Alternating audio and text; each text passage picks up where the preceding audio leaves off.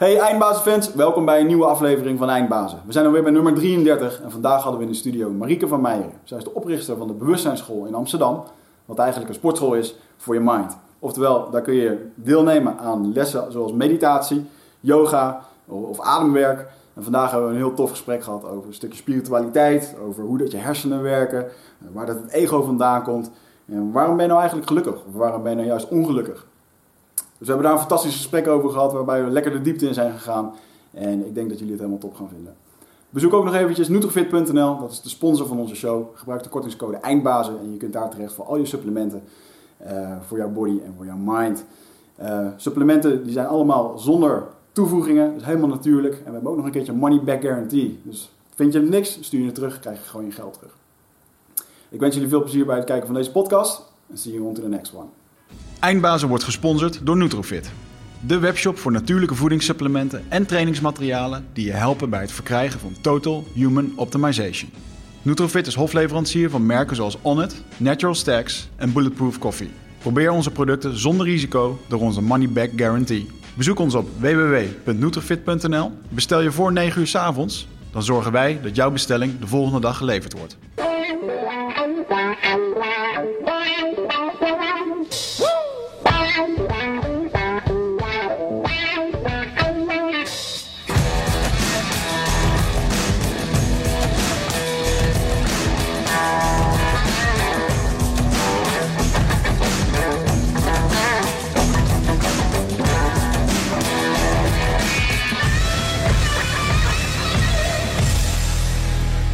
Podcast 33, jongens. En we hebben een drukke tijd gehad, hè? Met uh, de vorige podcast, met uh, die van de commandotroepen, die is erg goed uh, bekeken. En Gilbert Eiffel, de free fighter, die erg goed, goed bekeken werd. En als laatste Wilco van Rooyen. De man die zijn leven waagt op het Himalaya door het berg te gaan beklimmen. Onder extreme omstandigheden. Dus we dachten om een kleine switch te gaan maken van al het ruige werk. Gaan we vandaag naar een iets andere kant. En uh, dit keer hebben we Marieke van Meijeren in de studio van de Bewustzijnsschool in Amsterdam. En de reden waarom jij hier in de studio zit, uh, kan ik eigenlijk niet anders zeggen, is dat jij uh, de laatste tijd de juiste vragen aan mij hebt gesteld, waardoor ik dacht van oké, okay, um, misschien ben ik toch niet altijd even bewust als dat ik denk dat ik ben. En dus ik ga eerst de vraag aan jou stellen, Michel. Leef jij een beetje bewust? Mm, dat ligt aan je definitie nou van ja, bewust. Als jij, ben jij door de week bewust met alles wat je doet? Mm, ik probeer bewust met mijn voeding, mijn lichaamsbeweging en mijn werk om te gaan. Maar dat is vast niet wat je bedoelt. Uh, nee, ik bedoel dan meer gewoon, kom je wel eens thuis en denk je dan van ik heb vandaag alles goed bewust meegemaakt? Of zit je gewoon in de red race van alles? Mm, ik merk dat ik kies sommige activiteiten raffel ik een beetje af mentaal en andere ben ik uh, volledig in aanwezig podcasts over het algemeen uh, check in en out, weet je. Soms lekker een beetje bij, soms niet. Maar nee. Heb je niet hier? Hier ben ik, heb ik wel het gevoel dat ik bewuster met iets ja, bezig ben dan met andere dingen. Omdat nee, je... Ik denk ook wel dat ik begrijp wat je bedoelt. Maak je elk moment uh, in zijn volle totaliteit mee of draai je ook wel eens op de autopiloot? Ja. En uh, ik denk dat het antwoord zoals bij iedereen is. natuurlijk draai ik grote delen van mijn dag ook wel eens op de autopiloot. Ja. Want net heel veel mensen, en inclusief ik, af en toe niet, dan kom je thuis. En dan weet je eigenlijk niet eens hoe dat je je hebt gevoeld die dag. En dan weet ik dat Marieke op haar school van allerlei aanbiedt. Allerlei lessen en allerlei programma's om weer eens een keer wat meer tot jezelf te komen. En uh, nou zijn wij niet uh, onbekend met dat soort middelen, maar redelijk omstreden met onze ayahuasca-sessies. Maar ik merkte wel dat dat altijd een beetje voor mij werkte. Dat ik dan drie maanden lang uh, alles laat oplopen en door alle deuren heen beuk. En dan vervolgens denk, mooi, ayahuasca en alles is weer opgelost voor de komende twee maanden. Mm. Maar er schijnen ook manieren te zijn waarbij je dat op het dagelijkse manier van leven kan, uh, kan integreren in je leven. En daar gaan we het vandaag voornamelijk over hebben. Dus welkom. En je mag eens even uitleggen wat uh, de bewustzijnsschool uh, allemaal doet en is. De bewustzijnsschool um, is de plek midden in Amsterdam waar je eigenlijk op een um, fijne, neutrale manier met jezelf aan de slag kan gaan. En dan bedoel ik je mind, je lichaam, en um, je spirit of je bewustzijn of je energie, wat voor naam je er ook aan wil geven. Um, de mens bestaat zeg maar grotendeels uit drie componenten, uit die drie. En als die drie allemaal in balans zijn, uh, voel jij je zeg maar het meest gelukzalige en volledig aanwezig in elk moment. Welke drie zijn dat? Je lichaam, je mind en je ziel. Wat doe jij uh, als je dat hoort, Michel? Wat versta je daar dan onder? Ik kan een heel, nou ja, ik kan er heel aan meegaan in dit rijtje, zeg maar. Nou ja, body, mind en ziel. Body, mind. Alleen uh, ziel vind ik dan altijd uh, een iets uh, lastiger onderwerp, omdat het niet zo vast omlijnd is. Die eerste twee kan ik iets meer mee. En als ik dit soort dingen hoor, dan denk ik altijd, oké, okay, check. Maar wat is mijn ziel dan precies? En wat gaan we precies met dat ding doen? Wat gaan we precies met dat ding doen? Dat is mooi. Dat ding doet niet, dat ding is er. Hmm. Dus... Um, als je je leven, of in ieder geval het leven wat hoger zou bekijken, in plaats vanuit je hoofd, je mentale gestel en uh, je, je reacties en je gedachten en alle patronen die je jezelf eigen hebt gemaakt. Als je daarboven gaat stijgen en je hangt erboven, dan komt er een heel ander perspectief van het leven. En dat is eigenlijk het perspectief waar je zeg maar in geboren bent. Of die heelheid of de stilte en die rust. Die, die eigenlijk op elk moment, ook in momenten van stress, precies weet wat het juist en het juist liefdevolle is voor jezelf en voor de ander op dat moment. Het hangt ook om je lichaam heen. En het zit dus niet in je lichaam, maar het is overal, je ziel. Is dat je bewustzijn, volgens jou? Ja, is je bewustzijn. Ja. Ja, we hebben je gasten gehad. En hebben ook wel eens uh, dit onderwerp mee uh, aangeraakt. En um, ik vind dat altijd moeilijk. Um, mind kan ik een heel mee gaan. Bewustzijn kan ik ook een heel eind uh, in meegaan. Um, nou, we hebben het hier in deze podcast ook wel eens uitgebreid gehad over dingen als ayahuasca en entheogene middelen en de levenslessen die je daar uit kan leren. En die lijken vaak altijd betrekken te hebben op een stukje ja, hoger zelf. Ja. Noemen ze dat dan vaak. Um, en waar ik dan, als ik dat soort dingen beluister, altijd een klein beetje mee worstel, is zijn dan die twee scholen waarbij bijvoorbeeld de ene kant zegt van ja, uh, mensen hebben een ziel, mensen hebben vrije wil. Uh, en anderzijds weet ik ook een boel over neurowetenschap en uh, zeg maar biomedische industrie die zegt van ja, het is leuk, maar biologisch machientje werkt op een bepaalde manier, rechtvaardigt zijn daden naderhand. En dat is wat bewustzijn dan is. En ik merk altijd dat als we dit soort onderwerpen benaderen, dat daar direct dat spanningsveld bij mij optreedt. Zo van, ja, is, is ziel dan uh, zeg maar iets um, nou ja, levensoverstijgends, iets esoterisch, iets uh, van hoger hand? Of is het eigenlijk niet meer als een bijproduct van onze neurochemie en zeg maar programmering als biologische entiteit? Daar zit ik altijd een beetje mee als we het over dit soort dingen hebben. Ik weet niet hoe jij dat ziet, maar...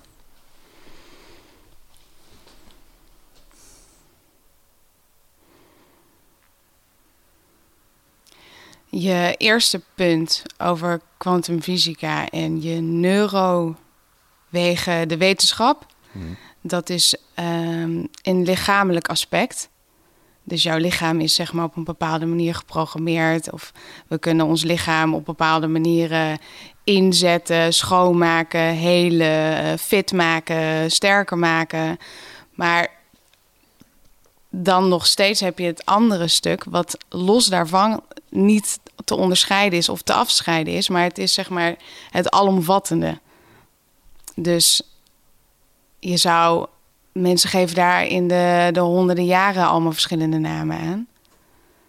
En of je het esoterisch wil noemen of energie of hoger zelf, het, is, het komt allemaal op hetzelfde neer. Het is gewoon ieder, ieder um, vakje pakt er een verschil, ieder uh, professie pakt er een ander woord voor, maar het is hetzelfde. Ja. Het is gewoon, als je het zo bekijkt, het alles is één verhaal. Ja, dat is eigenlijk wat de, um, de non-dualisten eigenlijk ook zeggen. Ego bestaat niet. Je bent, ja. je bent een onderdeel van een veel groter geheel. Ja. En um, er zitten bepaalde systemen in je hoofd en die maken er vakjes van. En dat is handig in de natuur. Ja. Maar eigenlijk, als je het wel beschouwt en je zou het vanaf een afstandje bekijken, dan is het één. Ja. Dat is wat je bedoelt. Ja. ja. Daar kan ik wel aan te meegaan. Als je kijkt naar de code achter jou, die uh, onder eindbasis staat op het bord, die is van Einstein, wat eigenlijk niet anders staat dan uh, energie is materie. Hm. Ja. Dus die man was zo gek nog niet. Ja. Nou, ik las laatst trouwens ook een uh, stuk in een krant, in een krant, over dat uh, Einstein nu wetenschappelijk onderbouwd is met uh, de zwaartekrachttheorie. Ja. Dus dat er nu gemeten is dat er, uh, ik weet niet precies de feiten, want ik heb het niet echt heel goed gelezen.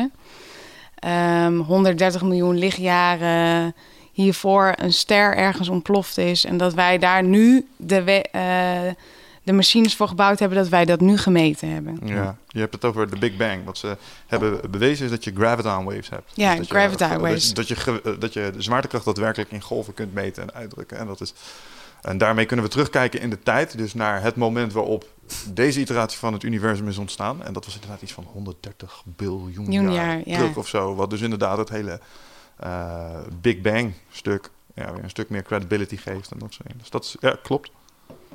Wel fascinerend om over na te denken. Maar als je dan eh, eh, als je op dat soort schaal gaat denken, dan wordt het natuurlijk al helemaal eh, interessant om, om het over dit soort dingen te hebben. Om het iets meer op het aardse te betrekken. Ehm gisteren had ik een gesprek met iemand en die destilleert deze vraag eigenlijk heel mooi terug op, op één kernvraag. Hij zegt, na je ayahuasca, wat denk je nu? Alles wat je daar hebt meegekregen, is dat intern of extern ingegeven?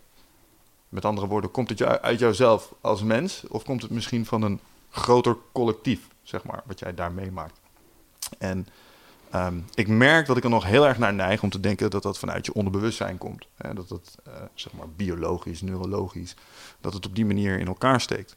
Ehm, maar als je de ervaring die je echt puur in de ceremonie hebt gehad, eh, nog eens eventjes onder de loep neemt en je kijkt met welk gevoel je daaruit liep, dan krijg je een compleet tegenovergesteld gevoel.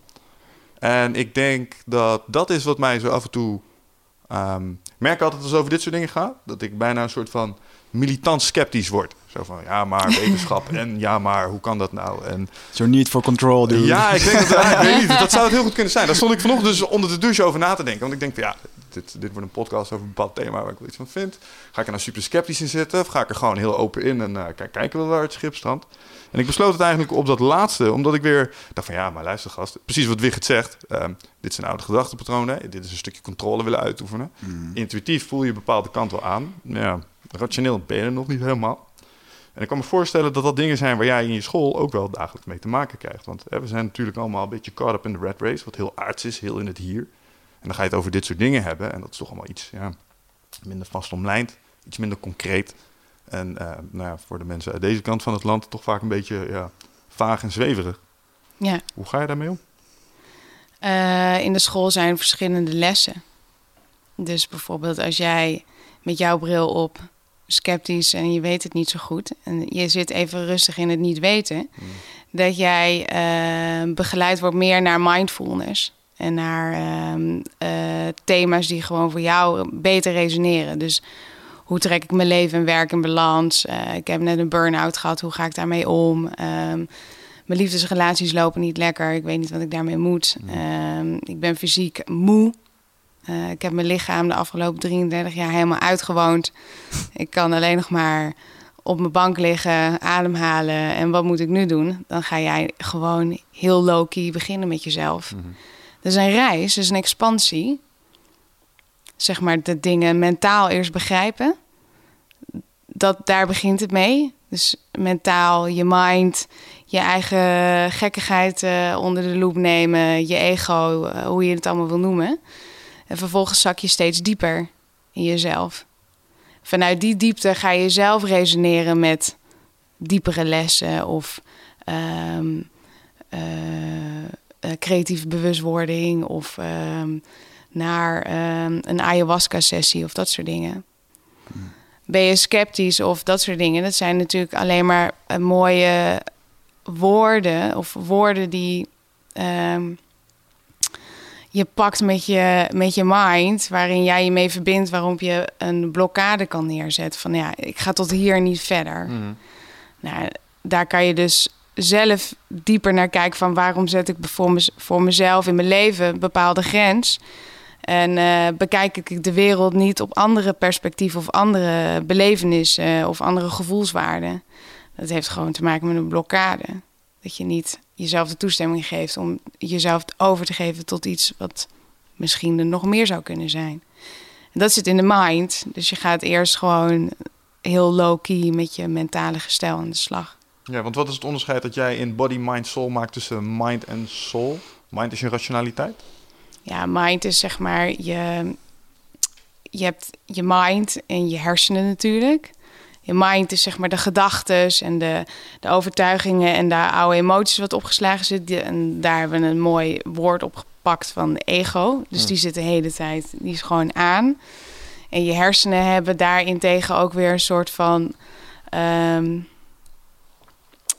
fysiek patroon daarin. Dus eh neurowegen aangelegd die je 33 jaar erin geslepen Mm. hebt. En het elke keer als ik bijvoorbeeld eh, mezelf. ehm, ik ga op reis voor het eerst in mijn leven naar Spanje, maar ik heb er geen zin in, want ik vind het eng in mijn eentje en ik doe het niet. En ehm, ik voel me onveilig en dit is kut en ik heb er gewoon geen zin in. Die. En dat gaat aan, hersen gezien, dat je gewoon een neuroweg aflegt die ik gewoon al 33 jaar gedaan heb. Of ik zie dat met mijn, met mijn mind en ik besluit om anders te kiezen. En vervolgens ga je iets anders aanleggen en ga je expanderen. Mhm.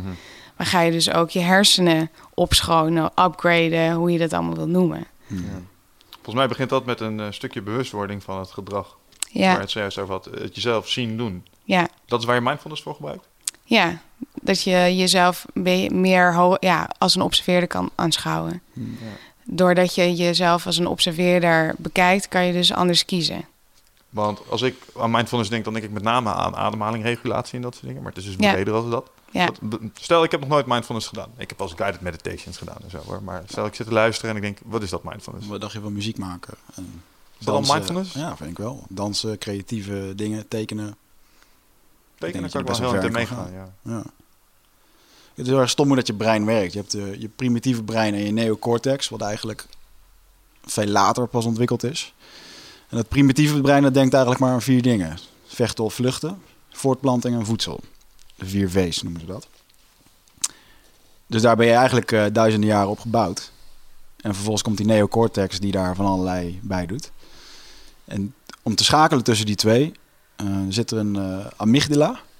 Dat op het moment als jij bijvoorbeeld eh, voor de klas wordt geroepen of je wordt eh, publiekelijk eh, gestraft, dan eh, roept dat een bepaalde emotie op in die amygdala. Die weer verbonden is met je hippocampus. En die hippocampus, daar zitten diep gewortelde emoties van vroeger in vast. Dus Mm. bijvoorbeeld, jouw moeder is overleden. Eh, ik heb zelf met mijn vader dat eh, ik heb wel ergens een angst om alleen gelaten te worden. Met heel veel dingen. Of dat nou in relaties is, of in werk of in andere Mm. dingen. En dat ding gaat aan op het moment als er daar ergens een emotie in optreedt. Mhm. En dat is iets waar je inderdaad al 33 jaar mee rondloopt. En waar je op een of andere manier, op een gegeven moment moet je dat toch leren begrijpen. En mindfulness was voor mij altijd een hele rustige, zachte manier. Het was niet de wereldse manier. Mhm. Ik bedoel, ik ben blij dat ik drie jaar geleden of vier jaar geleden ayahuasca heb gedaan. Want dat heeft een blok beton om mij heen weggebroken. Waar ik niet met mediteren doorheen was gekomen, is mijn gevoel. Dus voor mij is het heel erg eh, die fysieke eh, ervaring van, wow, weet je wel, dat alles openbreekt. En ook dat je gewoon, ik moest er wel om lachen. Ik bedoel, eh, laatst heb ik weer een sessie gedaan en we hadden het er van tevoren over. Toen zei hij, ayahuasca zit gewoon in je. En ik weet nog dat ik toen op de derde dag boven mijn bak hing en echt weer alles lag uit te kotsen. En dat ik echt daar moest terugdenken. Dat ik dacht van, dit krijg ik er niet uitgemediteerd. no way. Maar ik ben me wel heel erg bewust dat ja, je moet er dagelijks mee bezig zijn. Als je nou dagelijks naar de sportschool toe gaat en eh, eh, je wilt trainen en je wil eh, je dingen doen. En jij merkt dat zelf ook, jij bent nu even uit de meditatiefase volgens mij.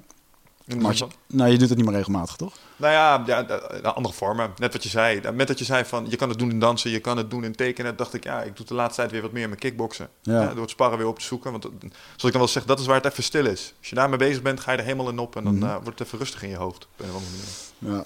Maar het vage is dat die, even terugkomend op die hersenen, is dat als je daar van je zevende tot je vijftiende zitten er dus sy- synapses. Dat zijn de dingetjes die zenuwen, eh, Mhm. zenuwbanen vormen in je hersenen.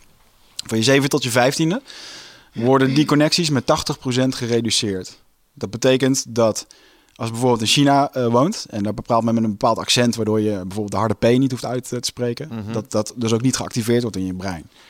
Eh, dat zorgt er ook voor dat als jij een moeder hebt die eh, over een vader loopt te zeuren, die eh, haar altijd in de steek laat, dat Mhm. jij als het ware programmed wordt om dat ook te denken.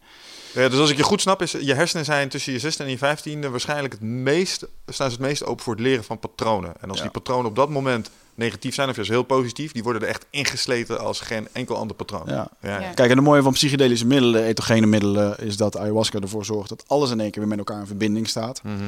En meditatie zorgt er ook voor. En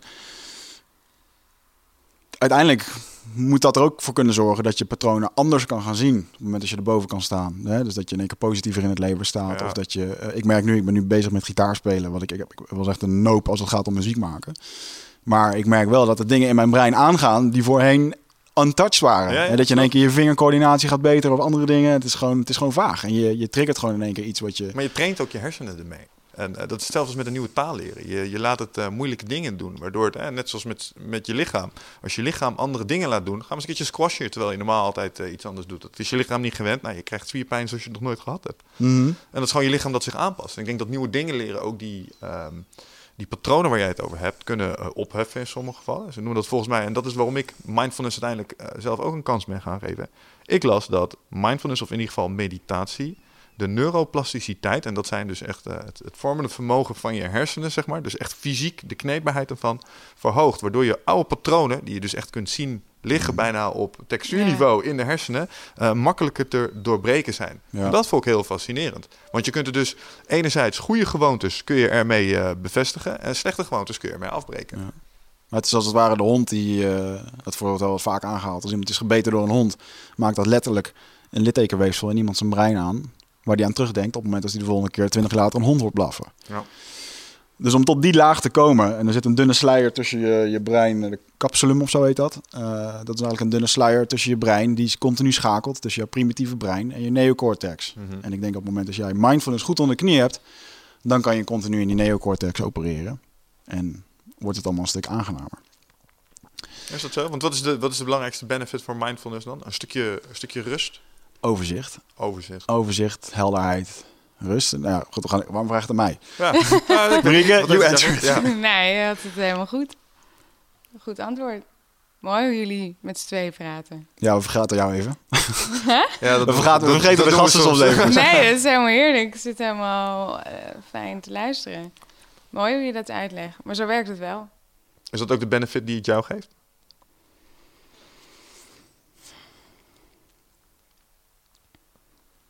Ja, Want waarom ben je het gaan doen? wat de school of eh, Nou, mindfulness. mindfulness? Was, dat- was mindfulness het begin voor jou op deze reis? Of ben je andere dingen eerst gaan doen? Ehm, nee, mijn reis is wel. ehm, mijn eigen persoonlijke reis is denk ik begonnen toen ik geboren was. Oké. Vertel, hoe zag jouw wereld eruit? Ehm, ja, heel vol noemde ik het altijd. Vol. Vol en leeg en he- helemaal aanwezig, wonderbaarlijk. Het leven. Totdat ehm, ik zelf wel heel eh, goed ging kijken naar de, de eh, hoe, hoe mijn ouders zich beweegden, hoe de mensen zich beweegden, hoe de mensen in mijn klas zich beweegden, eh, hoe die allemaal aan elkaar aanpasten. En, en ik deed dat in het begin niet. Dus eh, mensen worden in hun ware essentie gewoon in je kern geboren. En, en daarin zit dus eigenlijk je, je kracht, je talenten, al je kennis, eh, je, eh, je, mm, de, de expansie van je lichaam om bijvoorbeeld een, eh, een onwonderbaarlijke, sterker ehm, krachttrainer te worden of vechter. Alles is zeg maar vanaf de geboorte dat jij hier op aarde komt, allemaal aanwezig. Dat is al bepaald. Dat, dat is alomvattend aanwezig. En de enige reis die de mens de hele tijd aan het maken is, elke, eh, fucking, elke fractie van een seconde, is terug te keren naar dat stuk. Mhm. Dus wij zijn als mens zijnde, en ik dus ook, ons op een gegeven moment ehm, gaan adapten aan de buitenwereld. Mm. En vervolgens zijn we ook gaan geloven dat het in de buitenwereld ligt. Dus ehm, ik ben bijvoorbeeld ook echt gaan zoeken naar, eh, op een gegeven moment op mijn veertiende, naar dat gevoel wat, wat ik zo miste van binnen. Dat alles helemaal fijn en heerlijk en compleet en perfect is. Het, wo- het wonderbaarlijke van in het moment zijn. Hm. En eh, dat manifesteerde bij mij zich ook ehm, in eh, rebels gedrag. ehm, veel, ex- eh, veel uitgaan, eh, drugs, drank, eh, nou ja, vriendjes, vriendinnetjes, noem alles maar op.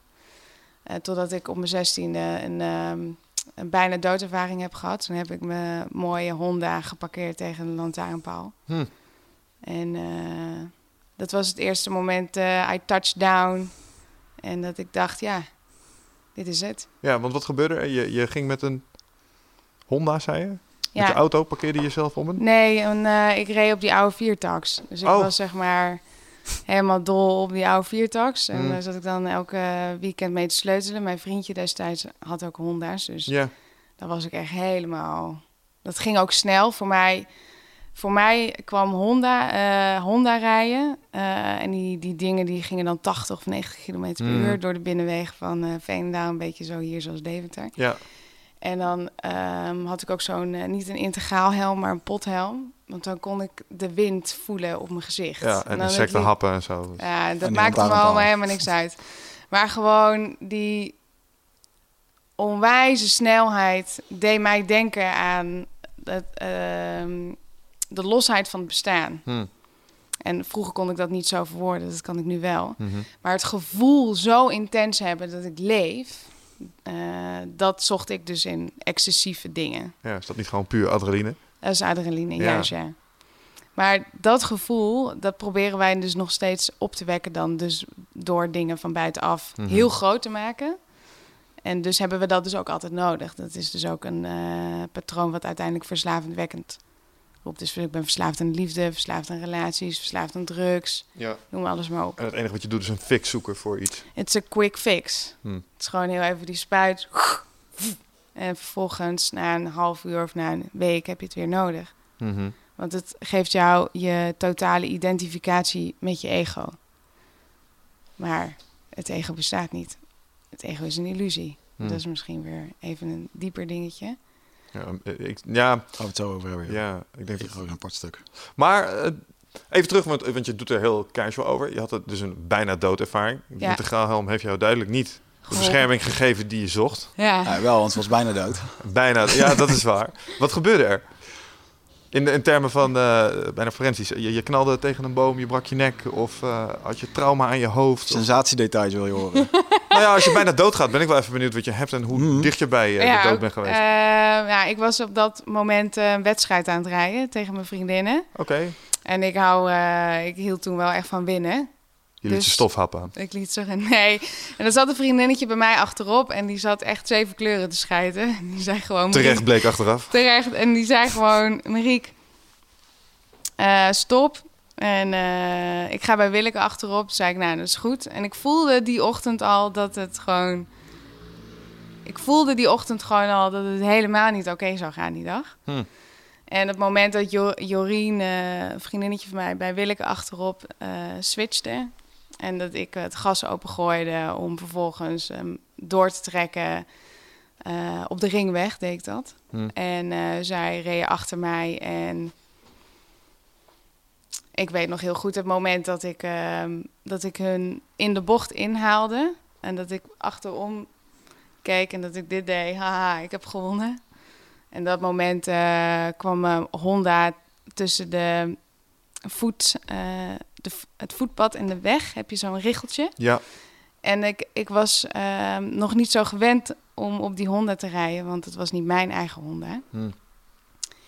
En ehm, op dat ene moment dat ik die richel inkwam en ik zag dat ik verder een flauwe bocht moest maken, dat ging helemaal niet, want ik kon die bocht niet maken, want ik zat vast, maar ik reed nog wel steeds 80 per kilometer Mhm. per uur. En het is zo onwijs wonderbaarlijk hoe onwijs snel dat gaat in dat ene moment. Dus in dat ene moment he- helemaal helder, de zon scheen. En ik weet nog, als ik nu ga remmen, dan slip ik en dan neem ik ze achter me mee. Want zij rijden vol over me heen. En Mhm. dan, dan zijn zij ook de Sjaak. Ehm, optie 2 is eh, kijken of ik die bocht kan halen. Of hem eruit kan trekken. En als ik hem eruit trek, dan, dan valt mijn wiel voor weg. Dan raak ik sowieso nog in de slip. Ga ik down en dan gaan zij ook mee. Hm. De enige optie is gewoon. En dat was zo waanzinnig. Ehm, totale overgave. Want ik had eigenlijk een fractie van een seconde al helemaal gezien hoe ik zou gaan. Mhm. Maar dat gaat zo snel. Dus op een gegeven moment heb ik gekozen om mijn gas los te laten. En gewoon te nemen wat er gaat komen. En dat was 80 km per uur tegen een lichtmast. Jezus. Dus wat er gebeurd is, is mijn Honda is met 80 km per uur tegen de drempel aangekomen in de flauwe bocht, die ik dus niet kon maken. Mhm. En toen ben ik zelf met mijn lichaam gelanceerd als een paal, als een raket. En toen op de een of andere wonderbaarlijke manier, want anders had ik het nooit gered, ben ik een kwartslag gedraaid in de lucht. En toen ben ik gaan liggen als een soort van voetshouding. En toen ben ik met, de hele, met mijn hele middenrif met 80 tegen een lantaarnpaal aangeklapt. En toen ben ik teruggekaatst. Dan heb je wel een flinke airtime gemaakt. En eh, dat was waanzinnig, ja. Dat vergeet ik nooit meer. En, en toen? Was je direct out cold? Of? Nee, ik ben eigenlijk ehm, mijn hele periode ook in het ziekenhuis helemaal aanwezig geweest. Oké. Dus ehm, ik lag daar. Mijn mijn helm was ook afgegaan door de kracht natuurlijk. En ik lag daar en ehm, ik eh, ademde. En toen eh, dacht ik, ik had nog nooit eigenlijk echt iets gehad in mijn hele leven. En eh, ik voelde wel dat deze arm echt enorm veel pijn deed. Want ik had in reflectie wel mijn gezicht eh, beschermd. Dus ik heb deze arm was helemaal verbrijzeld. Toen dacht ik, ja, top. Dat voelt dus Zo. zo. Ja, niet En dat is gewoon versplinterd. Dat is gewoon eh, helemaal weg. En, maar ik had onwijs... Ja, dat is gewoon niet te beschrijven. Ik probeer het wel eens te beschrijven misschien met jullie, met jullie vechters. Hm. Iets dat je gewoon een stomp in je buik krijgt. Mhm. Maar dan gewoon met, ja, gewoon eh, een vrachtwagen die erin gereden is. Hm. Hmm. En ehm, mijn vriendinnen zijn gewoon gelijk ehm, ehm, 112 gaan bellen. En eh, voor mij, ik ben daar heel rustig gaan ademhalen. En ehm, ik deed mijn ogen open en toen in één keer was zeg maar de straat helemaal afgezet. En ehm, ik hoorde mijn vader achter me. Er waren ook heel veel eh, ramptoeristen, dus iedereen die kwam kijken. Dat was Hmm. natuurlijk, dat mensen doen dat. Ja. En mijn vader die hoorde niks schreeuwen achter me. Die was helemaal, die wist van de gekkigheid niet meer wat hij moest doen. En aan mijn buitengestel was niks te zien, hè. Dus ik bedoel, ik bloedde niet, er was helemaal niks aan de hand. En mijn moeder en ik heb een tweelingzus, die waren ook op de Zien. Hm. En toen, eh, mijn moeder die werkte in het ziekenhuis en die zat naar mij te kijken. En die dacht, die, die had in één keer shit.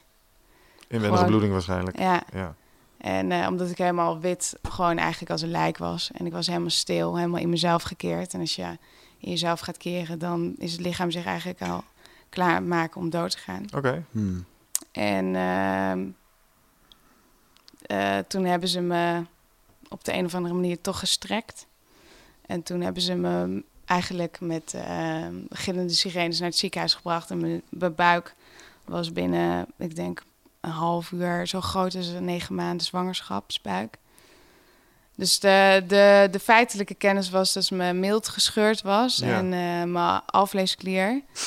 Eh, mijn ribbenkas was ingeklapt, dus mijn ribben waren, een paar waren gebroken. En daartussen was een bal zo groot als een honkbal of als een grapefruit. Ehm, gezwel gekomen, die dus tegen die kapotte organen ook drukte. Oh, jezus. Heftig. En dat was het verhaal. Ja. Ja, En in dit verhaal gaat jouw lichaam natuurlijk, eh, ja, je reageert erop, maar mentaal zul je ook wel een, een fucking achtbaan aan het doorgaan zijn. Want eh, je noemt het een near-death experience.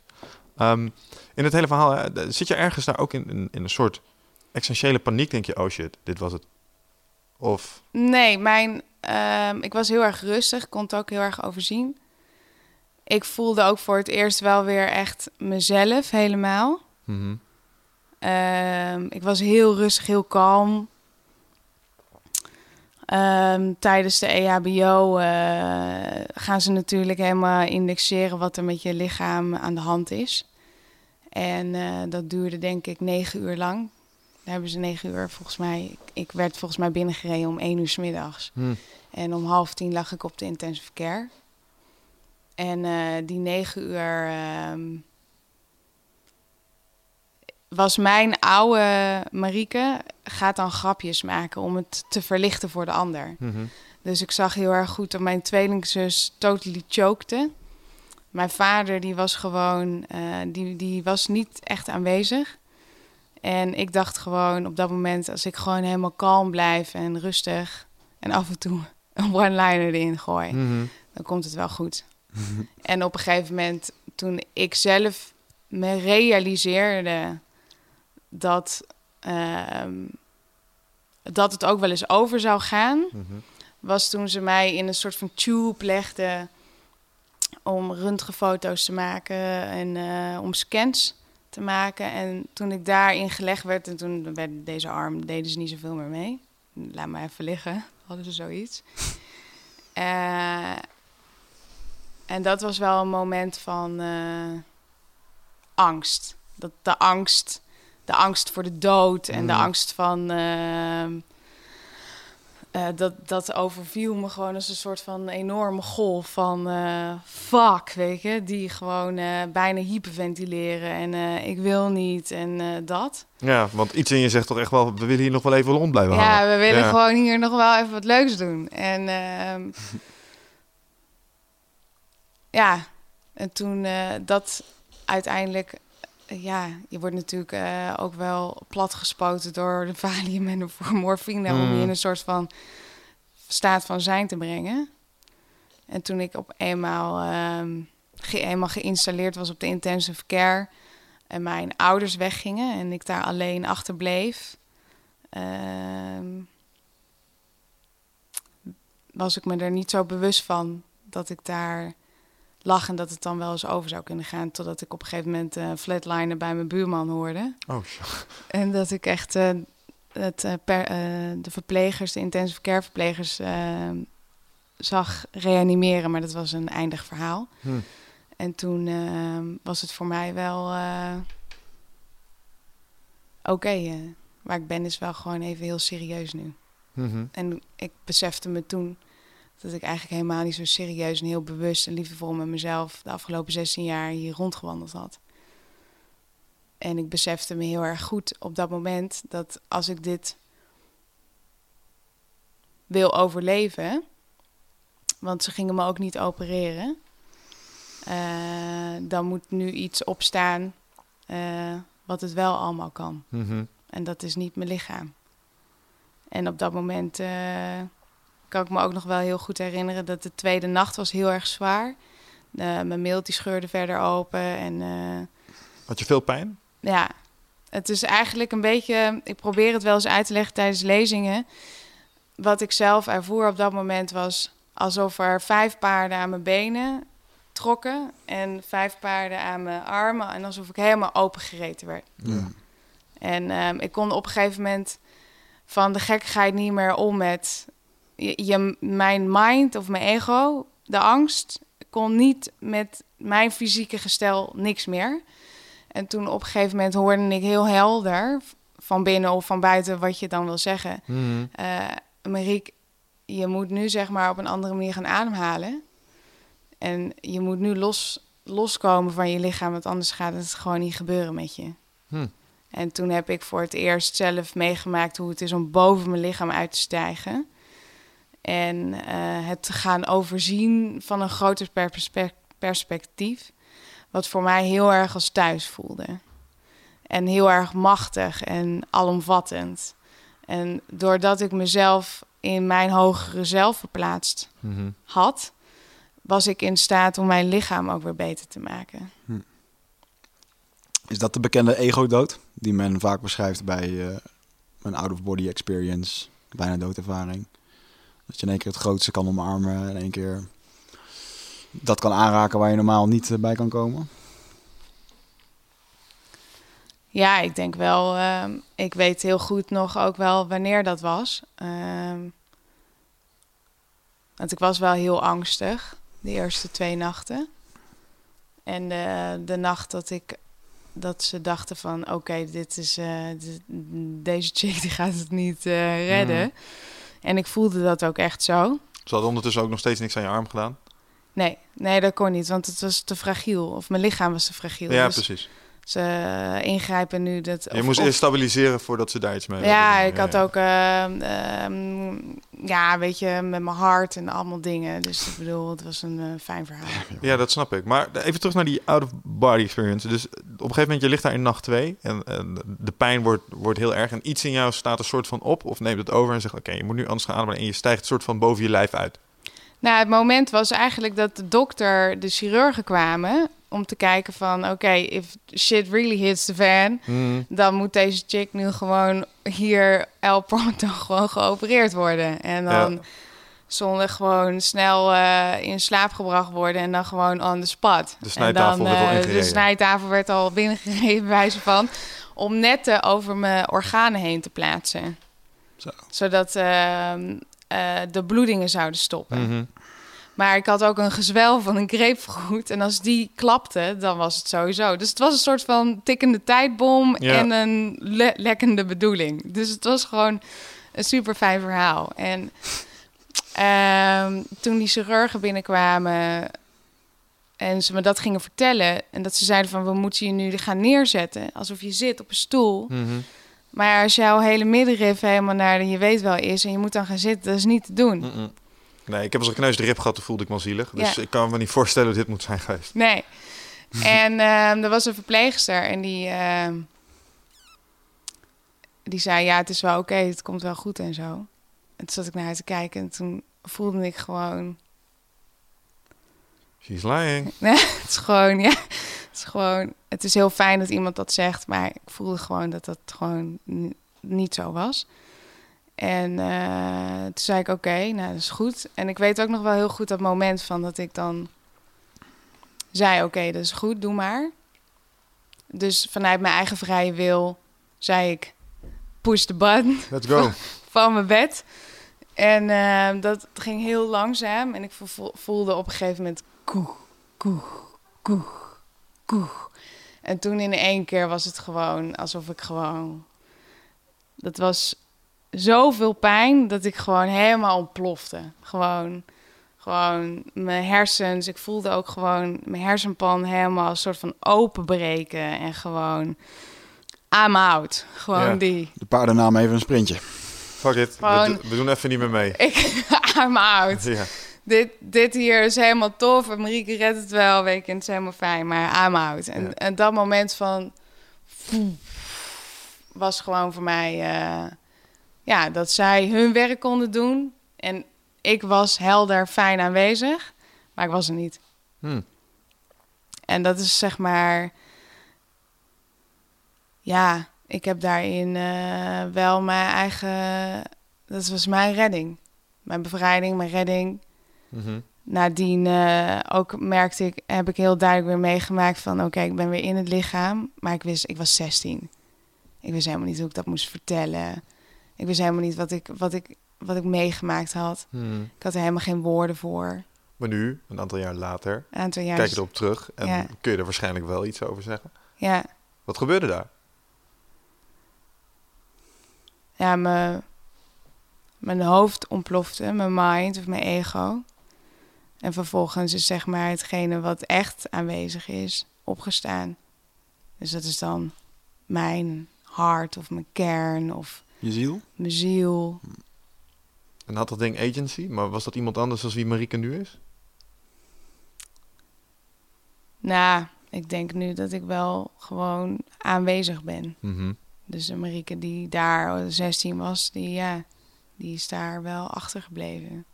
Om het even zo te zeggen. Ja, want ik kan me voorstellen dat zo'n ervaring, dat, dat draag je natuurlijk met je mee. En eh, na de hand, als je er dan uitkomt en je komt weer terug in je lichaam. Ik denk dat er wel een moment van reflectie is geweest dat je ziet van, wat, wat is hier allemaal gebeurd? Nou, het is eigenlijk, het is nooit opgehouden. Oké. Dus er is zoiets veranderd dat dat andere nooit meer teruggekomen is. Dus het is toen allemaal voor mij eh, wel veranderd. En Dus- in welke zin? Ehm,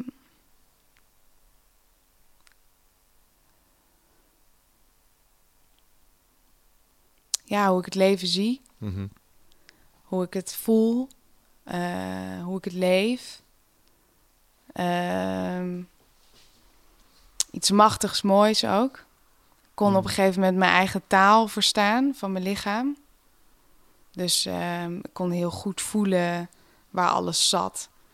Ik kon eh, met mijn adem kon ik ehm, mezelf in een soort van staat van zijn brengen, waardoor mijn lichaam de ultieme rust had om het zelf te gaan doen. Mhm. Ehm, en ik voelde dat ook echt zo. Ehm, ja, ik begon ook gewoon ehm, dingen te ervaren die ik vroeger als kind zijnde ook altijd had gehad. Hm. En dat bracht mij gewoon.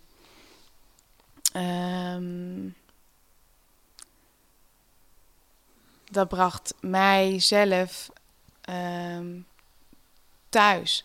Ja. Maar als jij zegt, eh, dat liet me dingen ervaren die ik vroeger heb ervaren, als kind. Wat bedoel je dan? Eh, vroeger, toen ik klein was, had ik ehm, gesprekken met de dag en de nacht.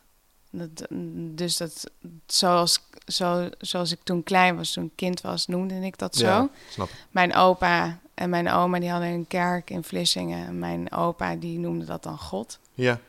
En eh, toen zei ik, eh, weet ik ook nog heel goed, dat ik zei tegen mijn opa, nou die van mij heeft geen God, maar het is helemaal prima met de jouwe. My imaginary friend heet anders.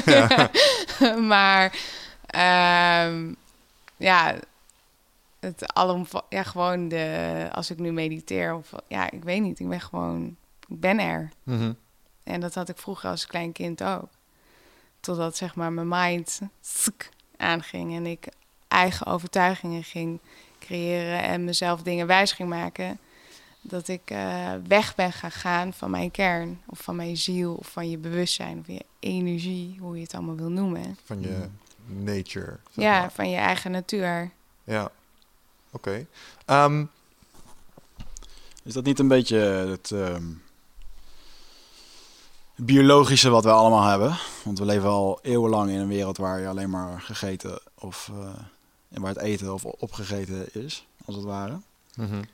En het is moeilijk om, eh, om daaruit te komen. Want er wordt eigenlijk opgevoed al met dat stukje ego en angst en wat je niet mag, stempeltjes. Ja, ik, eh, dat is dan altijd ehm, waar mijn rationele hoofd dan eh, naartoe gaat. Als, het, als ik bijvoorbeeld zo'n zo'n verhaal als dit hoor, dan denk ik eh, aan de ene kant sowieso, wauw, wat een ongelooflijk knappe machine is dat lichaam van ons toch? Want Ja. jij zit hier nog steeds en eh, medische wetenschappen ook fantastisch. Maar dat jouw, eh, dat jouw eh, lichaam en jouw, jouw hoofd en, en jouw, jouw, nou ja, geest dus in staat zijn om dit soort dingen te doen op die momenten om ervoor te zorgen dat je het toch haalt. Ja, En dan merk ik dat als op het moment dat je eh, op dat terrein komt, dat ik dan altijd op twee gedachten hing. Van wat is dat nou? Is dat inderdaad je higher self? Weet je wel, iets wat groter is als jij, een soort ware bron waar je zeg maar die je kan aanraken op momenten dat het echt nodig is, zodat jij weer even helemaal tot je pure zelf komt? ja, Of is dat gewoon een verdedigingsmechaniek van een hele intelligente computer die gemaakt is om te vluchten voor sabeltandtijgers, grizzlyberen en zelf eten te verschalken en terwijl het zichzelf voortplant? Snap je? Dat is dan een beetje waar ik dan. Want enerzijds kan ik, ja, ik kan me echt wel voorstellen als het lichaam ontzettende pijn krijgt, dat er een mechaniek in zit dat je dat echt niet gaat laten ervaren, want dat zou potentieel trauma kunnen veroorzaken. Hè? Net zoals dat iets wat te veel druk krijgt op sommige systemen, dan slaat de stop door. en wie bestuurt dat Ja, mechaniek? dat weet ik niet zo goed. En daar heb ik het over. Ja. Ja, dat is dan de vraag. En dan, dan enerzijds kan ik dat heel plastisch uitleggen. Ja, maar dat is biologie. Want je bent een biologische entiteit. Maar misschien is het ook iets van, ja, het is iets meer dan dat. En het is echt een stukje... Het is een en-en verhaal, hè? Het is niet zeg maar... Ja, ze voelen voor mij wel eens wederzijds uitsluitend aan. Maar Ja. dat is dus niet helemaal zo. Maar het is dus zeg maar de, ul de ultiemheid van de mens om zeg maar helemaal bam, I'm owning my own self en Mhm. ik doe het helemaal, hangt samen met al die dingen. Dus het, het is niet zeg maar, oh het is mijn eh, bron of mijn ziel en dat is het enige. Nee, Mhm. je hebt ook nog een eh, voertuig, je lichaam, Ja, ja. die heel goed eh, weet ook, geprogrammeerd is om zeg maar jezelf, ehm, eh, je sterkste zelf te zijn. Hm. Ja, dat vind ik wel interessant. Geloof jij in dat opzicht gewoon... want dat is misschien ook wel een onderdeel van, van de kernvraag die hieronder ligt. Geloof jij in vrije wil? Of geloof je ook wel dat je voor een belangrijk deel soms gewoon wordt ge- geleefd door die biologische machine die je bent? Heb je agency? Kies je echt? Hey eindbaas en luisteraar, dankjewel dat je zit te luisteren naar deze podcast. Ik onderbreek hem eventjes voor een hele belangrijke boodschap. Of misschien liever gezegd een uitnodiging. Want op 24, 25 en 26 mei, dan is er weer een nieuwe editie van Rite of Passage. Dat is mijn retreat voor persoonlijke ontwikkeling. En speciaal voor de mensen die op zoek zijn naar, ja, naar helderheid. Of dat ze lastig bij hun gevoel kunnen komen. Dat ze moeilijke beslissingen moeten maken. En dat ze zo ontzettend in hun hoofd zitten ja, dat ze er eigenlijk gewoon niet meer goed uitkomen. Of dat ze misschien al heel lang in een, ja, een soort van oud gevoel zitten. Dat ze dat gevoel willen transformeren. Of misschien wil je gewoon een oud stuk achter je laten. Ergens een punt achter zetten. En ja, zoek je misschien heling op iets wat, wat je te lang hebt weggeduwd of, of hebt vermeden. Nou, daarvoor wil ik je uitnodigen op 24, 25 en 26 mei om in een retreat mee te doen waar de inhoud van het programma geheim is.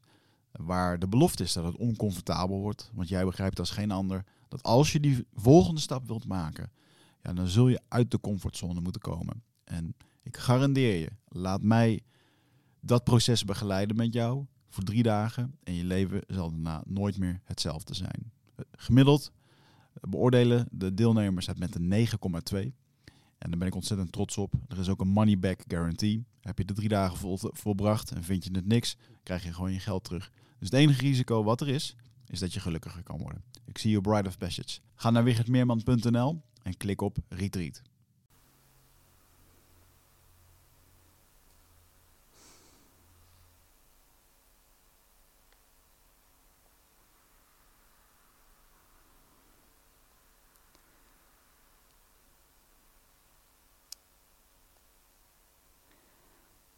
Ja, dat gaat ervan uit wie degene is die gaat kiezen. Hm.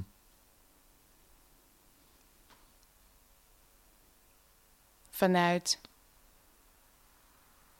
vanuit aanwezigheid ehm, zit je in je eigen,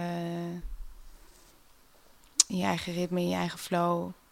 Kan je alles heel goed zien en weten welke deur wel te openen, welke deur dicht te doen, welke, welk gesprek wel te hebben, welk gesprek niet te hebben. Maar het is een soort van alomvattend aaneenschakeling van Ja, oké. een golf. Hier beantwoord je mijn vraag een soort van mee. Want ik zat te denken, hoe kan ik dit wat duidelijker maken? Wigert had net een heel mooi verhaal over hoe het eh, neurologisch werkt met, eh, eh, met die hersenregionen die dan bepaalde dingen aantrappen. Mm. Een van de dingen die worden aangetrapt bijvoorbeeld door die...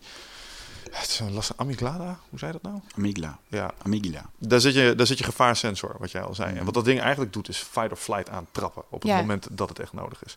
En wat ik me dan afvraag is, op het moment dat fight or flight wordt aangetrapt door die hersenen die een gevaar registreren. Stel, ik moet een praatje geven ergens en ik weet dat er eh, 500 man in de zaal zitten. En fight or flight gaat aan en zegt, ah, dat is echt eng man, want straks ga je af.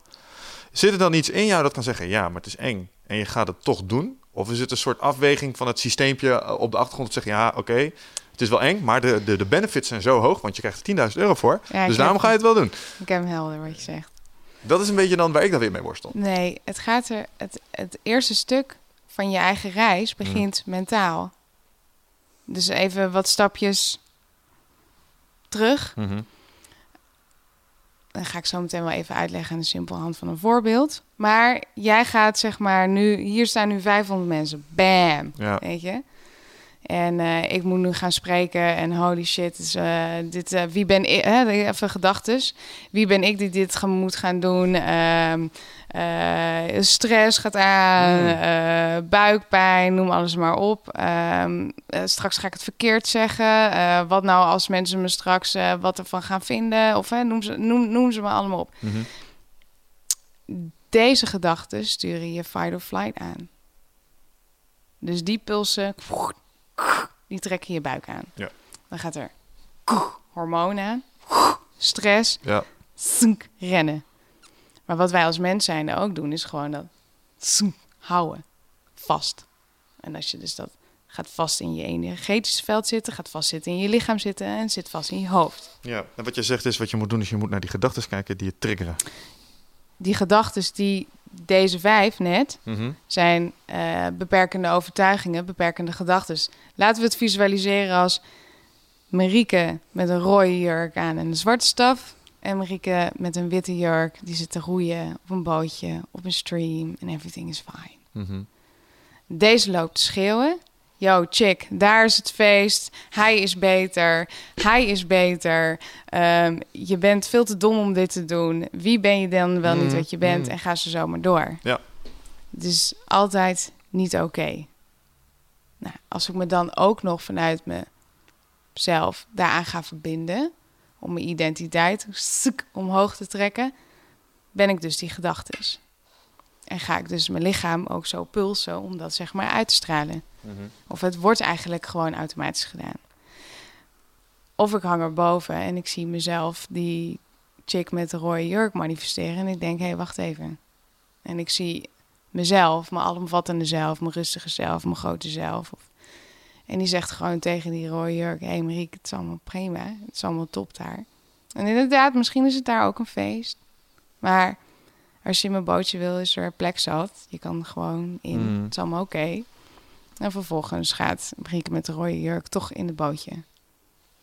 Kan je niet sneller roeien? Ga, kan- eh, zal ik gewoon wat... Zal ik gaan roeien?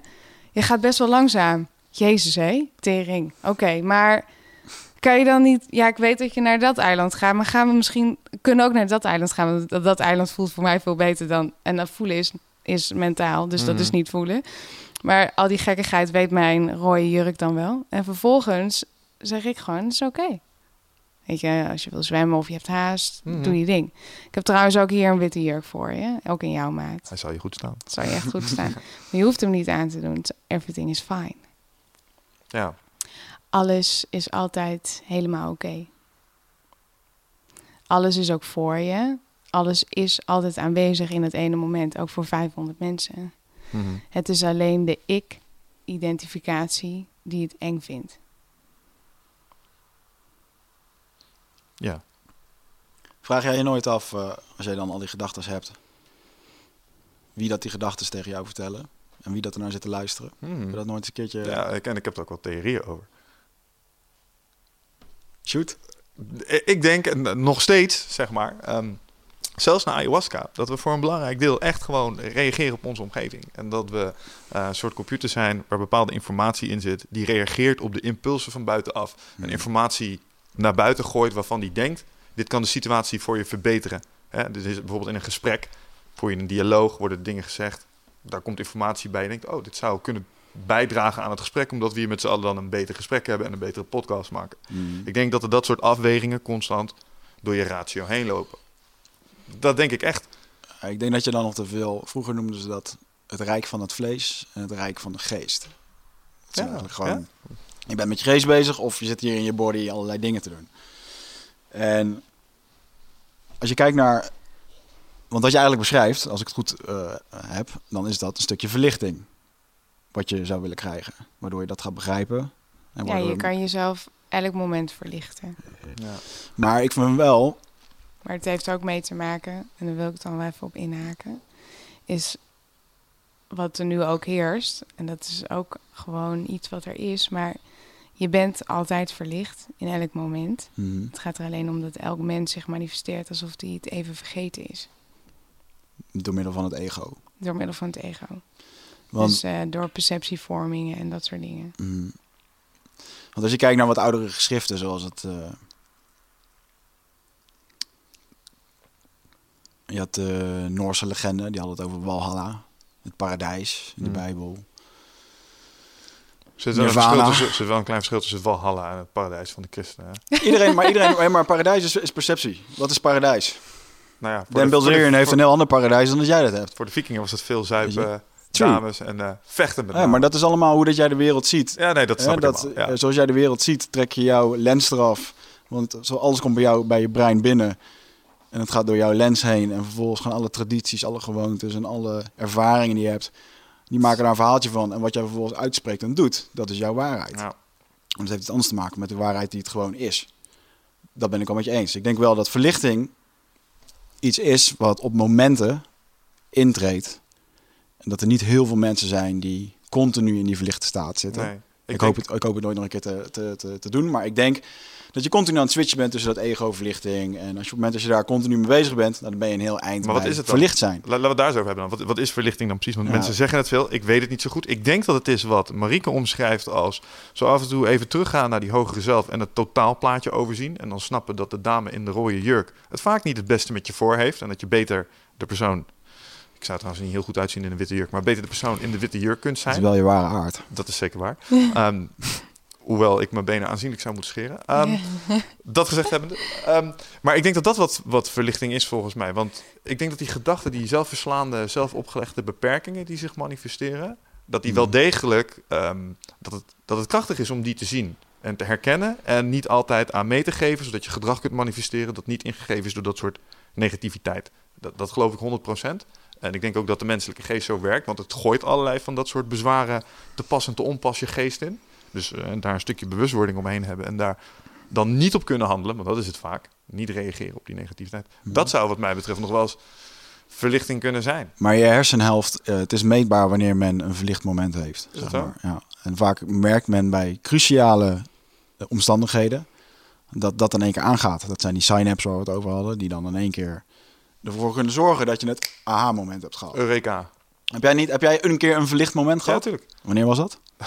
Die ayahuasca-ceremonie. Vanochtend. ja, no shit. Ja, ik, dacht, ik dacht, Michel, die moet hem meekrijgen. En voor jou had ik precies hetzelfde idee. Van ja, weet je, dit is ook gewoon zo'n gast die gewoon lekker in zijn lichaam zit. En hier gaan we niet meer mediteren komen. Let's nee. bring it on. Ja. ja, je wordt wel redelijk met je neus op de feiten gedrukt nog. Maar ik, ik weet dat ik daar letterlijk dacht... ehm, Mag toch? Ja, mag Ja, ja, zeker. nee, Het is, mag allemaal. It's a free world, it's a free world.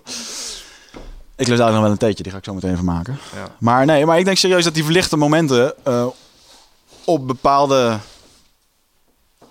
momenten bij jou binnenkomen. En dat dat het aha-moment geeft. En dan is het Mhm. wel aan jouzelf om er vervolgens wat mee te doen. Kijk, het feit dat ik een paar weken geleden naar een ayahuasca-sessie ben gegaan. Je hoeft niks te doen. Hm? Je hoeft niks te doen. Is dat zo? Om dan er vervolgens weer wat mee te doen. Maar het is gewoon relax. Zit in je stoel. Je hoeft niks te doen. Daar worden dus de mensheid moe van. Mhm. Ik moet wat doen. Mhm. Maar dat is ook de drijver geweest die ervoor gezorgd heeft dat wij nu fantastische podcasts kunnen maken. Want mensen zijn shit gaan doen. Ja. en met wie Dat ook. is een ander verhaal. Dat is een, dat is een accelerator. Nou, maar Maar Kijk, ik snap het wel. Dat op het moment... Maar ik heb 33 jaar in die machine... 33? Nee, ik ben nog helemaal geen 33. of was drie maanden word ik 33. Ik ben 32 jaar en ik heb 32 jaar in die machine gezeten om het zo te doen. En ik merk dat dat een continue strijd is om eh daar boven te kijken. En eh ayahuasca is voor mij een ding geweest wat heel erg fysiek was en heel erg aanwezig. En ik ben nu wel op een moment gekomen dat ik denk van... Ja, ik hoef daar niet iedere drie maanden naartoe om, eh, om mezelf te legen en... Ik denk dat dan ook op een gegeven moment de kracht van de boodschappen verloren gaat. Ik had het ook met die ehm shaman over de afgelopen keer. Hele coole dude uit Brazilië.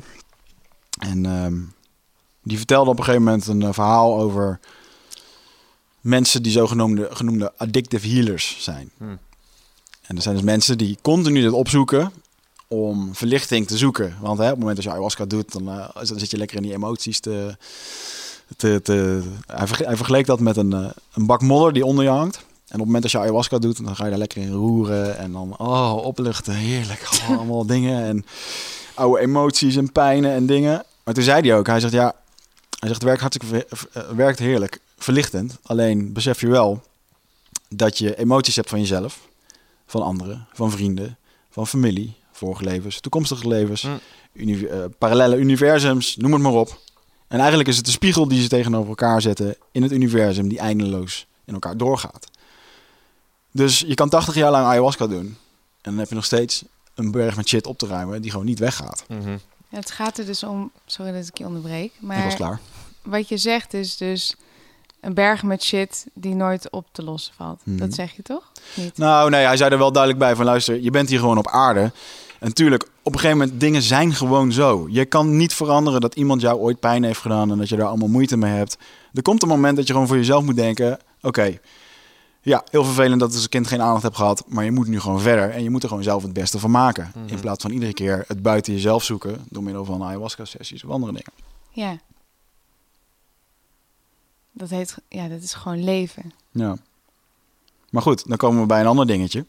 De reden, een van de redenen waarom eh, jij hier zit en met goede vragen die je mij stelde. Was dat ik de afgelopen drie jaar twee bedrijven. eh, Welke vragen waren dat dan, Wigert? die ga ik je nu. Ik ga, dat even, ga er even naartoe werken voor de luisteraars die vaak aan ons. eh. maar de luisteraars die weten dat ik de afgelopen drie jaar bezig ben met bedrijven runnen. En dat een van die bedrijven is uiteindelijk niet helemaal geworden wat ik wilde dat het werd. En dan heb ik het over Easier. En na drie jaar ploeteren, tien maanden op kantoor slapen, een burn-out en alle shit die erbij komt, loopt het bedrijf eindelijk goed. Alleen we doen niet wat we drie jaar geleden wilden gaan doen. En dat is een internationaal softwareplatform worden. En we zijn nu gewoon een full service marketingbureau. En het loopt eigenlijk nog goed ook. Nou, zou je denken dat is hartstikke fijn. Maar de Wigert die dat gestart heeft, die was daar eigenlijk niet gelukkig van. En ik merkte dat ik heel erg zat te zoeken van, joh, een gegeven moment ik werd ook gewoon niet beter, merkte ik. En ik merkte dat ik het met allerlei dingen goed zat te praten. Oh, het kantoor moet ik naar Amsterdam verhuizen. Ik moet mensen aannemen, kan ik dingen outsourcen. Uh, moet meer geld binnenkomen, dan wordt het wel rustiger. En ik weet nog dat ik dit verhaal aan jou aan het vertellen was. en dat jij toen gewoon zei, maar als je nou eens gewoon de bullshit even weghaalt. En hoe wil je gewoon voelen in 2016? Want normaal zit ik met business coaches en andere dingen. En die vertellen alleen maar over hoe je je bedrijf beter kan runnen. Maar toen dacht ik in één keer van ja, hoe wil ik me nou voelen? Ja, gewoon gelukkig en gezond. Hm. En toen was jouw volgende vraag, wat moet er dan als eerste gebeuren? dan moet ik easier gaan verkopen. En noem het een moment van verlichting. Ik denk het wel. Ik denk dat ik daar in één keer het aha-moment had. En dat is een opeenstapeling van meerdere van dat soort momentjes waar je naartoe werkt. En uh, dat is dus ook waar je het straks over had. Om gewoon leren te luisteren naar je gevoel. Ik denk dat ik het heel lang even was vergeten, zoals jij dat altijd zegt. Ja. En ik denk dat heel veel mensen niet naar hun gevoel leven. Ja, want we zijn niet uh, opgegroeid in scholen, systemen waar we allemaal in zitten. Dat dat de key-vraag is eigenlijk van waar je s ochtends mee wakker mag worden. Is hoe wil ik me voelen? En wat mag ik doen vandaag? Dat zijn twee hele diepe vragen die je aan jezelf kan stellen. Hmm. Ook gewoon de vraag van uh, wat mag ik vandaag doen? Dat stel je niet aan je ego, want je ego heeft namelijk al uh, A tot Z helemaal vastgeramd op een dag. Ja. Daarom zijn de generaties en de mensen die naar de school komen, zijn ongeveer 25.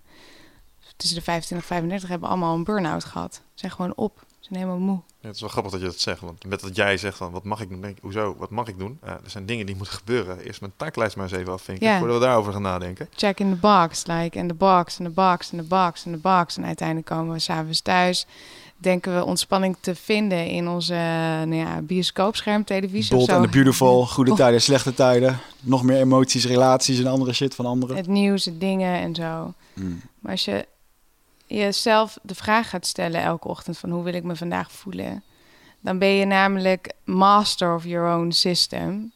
Dus ehm, je lichaam, nou als dat houdt in dat ik uh, vandaag een uur wil sporten, ga ik een uur sporten. Ik wil me fit voelen of sterk of weet ik het wat. Mijn mentale gestel, nou ja, ik, uh, ik wil tijdens, uh, ik doe ook heel veel zaken. Ik heb, ik heb mijn eigen bedrijf met 31 mensen, dat is ook best wel leuk. En daar stel ik me ook de vraag, s ochtends vroeg van, uh, nou oké, okay, ik heb vandaag zes afspraken. Hoe wil, ik in, hoe wil ik vandaag die zes afspraken gaan hebben met die mensen? Nou, ik wil helder aanwezig zijn. Ik wil scherp zijn. Ik wil stil en goed kunnen luisteren. En wat daar voor mij uit gaat komen, die effect. Dus dan heb ik het niet eens over zaken doen of hmm. eh, geld of over partnerships en shit. Maar gewoon alleen dat. Want als ik dat voor mezelf zet en ik heb die zes afspraken, weet ik namelijk elke keer van, oh ja, hoe wilde ik me voelen in dit gesprek? Oh ja, stil, cool, check. Aanwezig, voel ik. Scherp, check. En luisteren. En tijdens het luisteren kan je zelf samen zonder voorbedachte dingen, zonder voorbedachte cashflow, zonder voorbedachte uh, verbindingen, uh, samenwerkingen, noem alles maar op, kan je gewoon helemaal in een moment samen iets creëren. In dat ene moment. Want het hmm. ene moment is het enige wat er is. Dus, en is alles ja, overvloedig aanwezig. Dus als ik hem al in had gezet op, op, op, op, op, of, of, of, of, of, dan had ik al allemaal dingen afgefakt en gebokst en gedaan. En was hmm. ik niet open geweest om te kijken wat er eigenlijk allemaal nog meer mogelijk is. Er is veel meer mogelijk. Alleen wij beperken dus ook weer met dat soort dingen onszelf af. Is dat volledig in het nu leven, wat je nu beschrijft? Ja, ja. Leef jij volledig in het nu? Nee, soms niet. Als ik dit beluister, denk ik, ja, het is allemaal leuk en aardig. Maar er zijn echt wel overlegjes waar ik met een agenda van tevoren inga. Dan heb ik al bepaald hoe het gaat eindigen hoor. Is dat erg? Nee. En vraag ik dus aan jou. Is dat erg? Nou, hoe voel je je daarbij? Uh, zo af en toe erg productief. Nou ja, als je er fijn bij voelt, dan is het toch goed? Ja, ja, ja, nee, 100%. Klopt. Het gaat erom hoe je je wil voelen. Ja, true. Ja, zo is het wel. Wat ik wel geloof is dat ehm, het moment dat je open zo'n overleg in gaat, of sommige situaties, het is ook situationeel natuurlijk. Hè? In sommige is het gewoon heel handig om geen vastomlijnd kader te hebben. Ik bedoel, sommige moeilijke oplossingen die komen het best als je vrij associatief aan het, eh, aan het nadenken bent. Maar dat gezegd hebbende, er zijn ook wel ehm, contactmomenten die je soms kan hebben. Hè? Want ik hoor je nu zeggen, ik wil graag vol aanwezig zijn in sommige contactmomenten die ik heb, afspraken. Ehm, ja, je kan ze niet allemaal eh, met dezelfde. Tenminste, dat, dat lukt mij dan niet. En misschien is dat iets wat het je kan brengen. Probeer het. Ja, ooit zeker wel. Ja, ja, zeker wel. Zeker wel. Met dezelfde intensiteit en alertheid. Soms voel ik me er wel schuldig over, maar dan zitten de mensen over een onderwerp te praten. En dan merk ik, dan voel ik mezelf gewoon mentaal uitchecken. Maar is dat dan niet de kern dat je zou moeten zeggen... oké, we hebben zes afspraken vandaag. Bij drie verlies ik de focus. Dan kies je ervoor dan Ja, voor om dat zou, op een dag te doen. als dat je doel is, zou dat kunnen, ja. Klopt. Maar dat is gewoon wat ik, eh, wat ik dan merk eh, met dit soort dingen. Ja, ik vind het wel moeilijk. Als je nou kijkt naar dat werken op gevoel, hoe komt het dat mensen die eigenschap verliezen? Is het zo dat het vanaf als je kind bent tot je zesde, vanaf je zesde doet geloof ik je ego een beetje intreden? Dan begint er van allerlei te ratelen in je hoofd. En ehm, hoe kunnen de luisteraars die dit luisteren weer in contact komen met hun gevoel? Klinkt heel zweverig deze vraag. Nog Doorgesteld door jullie spiritueel leider W. Meerman. Maar op ik heb hem toch gezeld voor jullie. Omdat ik vind dat jullie meer met je gevoel moeten gaan doen. Net als ik. Het eerste antwoord is op zijn hoeveelheden drugs. Maar wellicht dat er... eh, Ja, maar die tijd hebben we allemaal gehad. Ja. Dus we zijn nu in het volgende stadium. Pak ik ondertussen even een theetje. Ja, wat- vertel mij. Ik ben wel een, eh, een mooie patiënt eh, in dat opzicht. Wat is een... Ik heb nog, dankjewel. Wat, eh, wat zijn eh, makkelijke dingen waar, eh, waar je mee kunt beginnen om hier gewoon eens een start mee te maken voor jezelf? Hoe, hoe maak jij mensen bewust bijvoorbeeld van die innerlijke dialoog? Hè, de dame in het rood. Ja. Nou ja, dat begint toch wel weer gewoon van... je bent je gedachten niet en je overtuigingen. Mhm. En ik heb zelf daarvan... ehm, kijk, als je dus weer ja, ehm, het alomvattende... of het, ehm, hetgene waar we allemaal van gemaakt zijn... waar we ook Mm. weer uitkomen... eh, wat eigenlijk altijd aanwezig is in het nu-moment... hoef je helemaal niks voor te doen. Daar zitten we nu, nu, nu, nu, nu ook de hele tijd in. Mhm. Ehm, dat voelt voor iedereen in de kern als iets liefdevols en rustigs. Zit je van die kern, liefdevol en rustig en licht, eruit, omdat er een angst, een emotie, een oude gedachte, een, een oude overtuiging omhoog komt, dan zit je in de separatie. Dus Hmm. dan zit je dus in je mind, blokkeer je en kan je ook niet luisteren naar je gevoel. Want je bent even jezelf met je gedachten aan het blokkeren om te luisteren naar je gevoel. Kan je dus jezelf aanschouwen dat je dus eh, je poppenkast aan het optuigen bent om Mhm. eh, jezelf weer iets wijs te maken, wat niet de waarheid is. Dan zeg je gewoon top. En dit heet verlichting. Ja. Een shift of perceptie. Ja, Eh, dat, dat, dat is ook een beetje waar we het volgens mij daar straks over hadden met wat is verlichting. Volgens mij is het, is het dat je het jezelf ziet doen. Inderdaad, de poppenkast ziet optuigen. Je ziet je, En dat je opnieuw kan kiezen. ja, dat je ervoor kan kiezen om het toch alsnog anders te doen. Ja, naar hoe je het zelf wil benoemen als man zijnde. Positief, uplifting, hoge energie, eh, meer. eh, huh. Mm. Dan is dat zeg maar je raadgever. Je gevoel. Dat is gevoel. Ja. Dus zit je je- jezelf klein te maken, noem alles maar op. Dan ben je dus eigenlijk je illusie aan het creëren. Dus eh Marieke met de rode jurk aan. Want vanuit de kern, vanaf 0 tot 6, hebben, zijn we allemaal ehm, niet eens bezig met dit soort vraagstukken. Mm. Maar zijn we gewoon altijd aanwezig. Dan gaat de deur open, de zon straalt. Het is lente, ik ben vijf jaar. Ik eh, moet van mijn moeder nog eh, mijn tanden poetsen. Maar de, ik, waarop ik zeg tegen mijn moeder... ja, maar de lente wil dat ik naar buiten kom. Want de lente praat echt zo tegen je. Aha. Je, je voelt de- grasdruppels, Ja, je ruikt het helemaal. Je denkt, holy shit, ik ga gewoon deze hele oneindige dag, wat oneindig is... alleen maar buiten spelen met allemaal, alle kinderen die in de straat wonen. En, en trouwens, dat boeit ook helemaal niet, want... Het maakt niet uit dat ik eh, vanmiddag met Esther speel. En als Esther straks met Bianca gaat spelen, dan maakt het mij helemaal niks uit. Want dan ga ik wel met Art spelen of met Guido. Want het is allemaal één. Het is allemaal één groot feest. Mm. Ja. En nu we ouder worden, en dat is dus ook weer die kleinheid. Je mag gewoon met mij spelen. maar niet met haar. Ja. En ik dat mis is, dat. Hoe lang de zomer kon duren vroeger. Ja, oneindig. Ja, ja dat is En wel- dat is nog steeds zo. Ja, wat ik er wel mooi aan vind is dat eh, je haalde daarnet ook een concept uit en je noemde dat zelf opgelegde beperkingen. Eh, dat doet me een beetje denken aan dat eh, verhaal van Elliot. Die noemt dat volgens mij mental prisons. Mhm. Dingen die je zelf hebt wijsgemaakt. Dan Ja. gaat er van dit kan wel, dit kan niet, dit hoort wel, dit hoort niet. Ja, het dat- zijn eigenlijk gewoon de hele tijd cirkeltjes waar je jezelf... het zijn, je bent bent eigen blokjes aan het bouwen al. Mm, En eh, omdat je onbewust aanwezig bent, zie je niet dat je dat al aan het opstapelen bent. Om vervolgens die ultimate shot te krijgen van... Zie je nou wel? Ik ben wel een... hmm, hmm. Het wordt een soort self-fulfilling prophecy dan. Ja, ja, ja. of je bent aanwezig, je aanschouwt je gedachten, je kan opnieuw kiezen en je ziet jezelf in het moment die, blokka die blokjes stapelen. Hoe train ik dat? Die metapositie. Dat, dat op afstand kijken naar mezelf. Nou, dat zeg je al meta, je hebt gewoon meta-meditaties. Oké. Dus gewoon echt vijf, zes... Gewoon een ding, meta-meditaties. Ja, vijf, zes jaar geleden, eh, toen ik begon met mediteren, nou, dan zat ik gewoon eh, een minuut op een kussen en dan eh, wilde ik echt wel van die kussen weg. Ja, dat kan ik Doe, wel. doe normaal. Tien minuten op zo'n kussen, word je helemaal gek. Jezus, moet ik dit echt gaan doen? Ja. Doe. Ik echt... Nou, dat is echt niet mijn ding. Ik ga, ik ga daar boos op, op jezelf af, dat je er op, zit, zeg af, Op, af, op, af, op, af. En, maar het is gewoon wel, en dat, dat heeft er ook mee te maken. Als je echt jezelf ten volste wil herinneren van de kindertijd, zeg maar, die gewoon altijd in je aanwezig is, heeft het ook een vorm, en dat kunnen jullie vechters volgens mij onwijs goed, heeft het magische woord te maken, zelfdiscipline. Hm. Zelfdiscipline. Ja. Wees gedisciplineerd. Ja.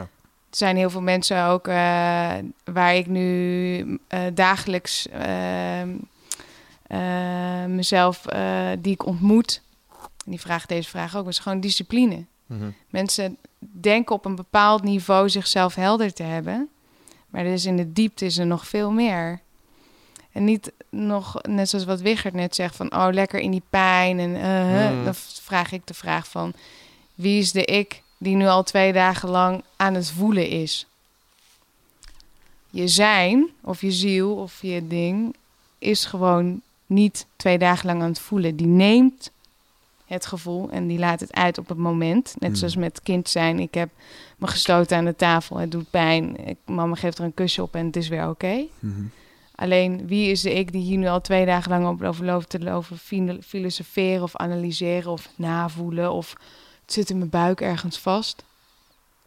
Dat is weer die diepte, die Hm. slachtofferschap waar heel veel mensen in zitten. De pain body, zoals Ja. Eckhart Tolle dat noemt.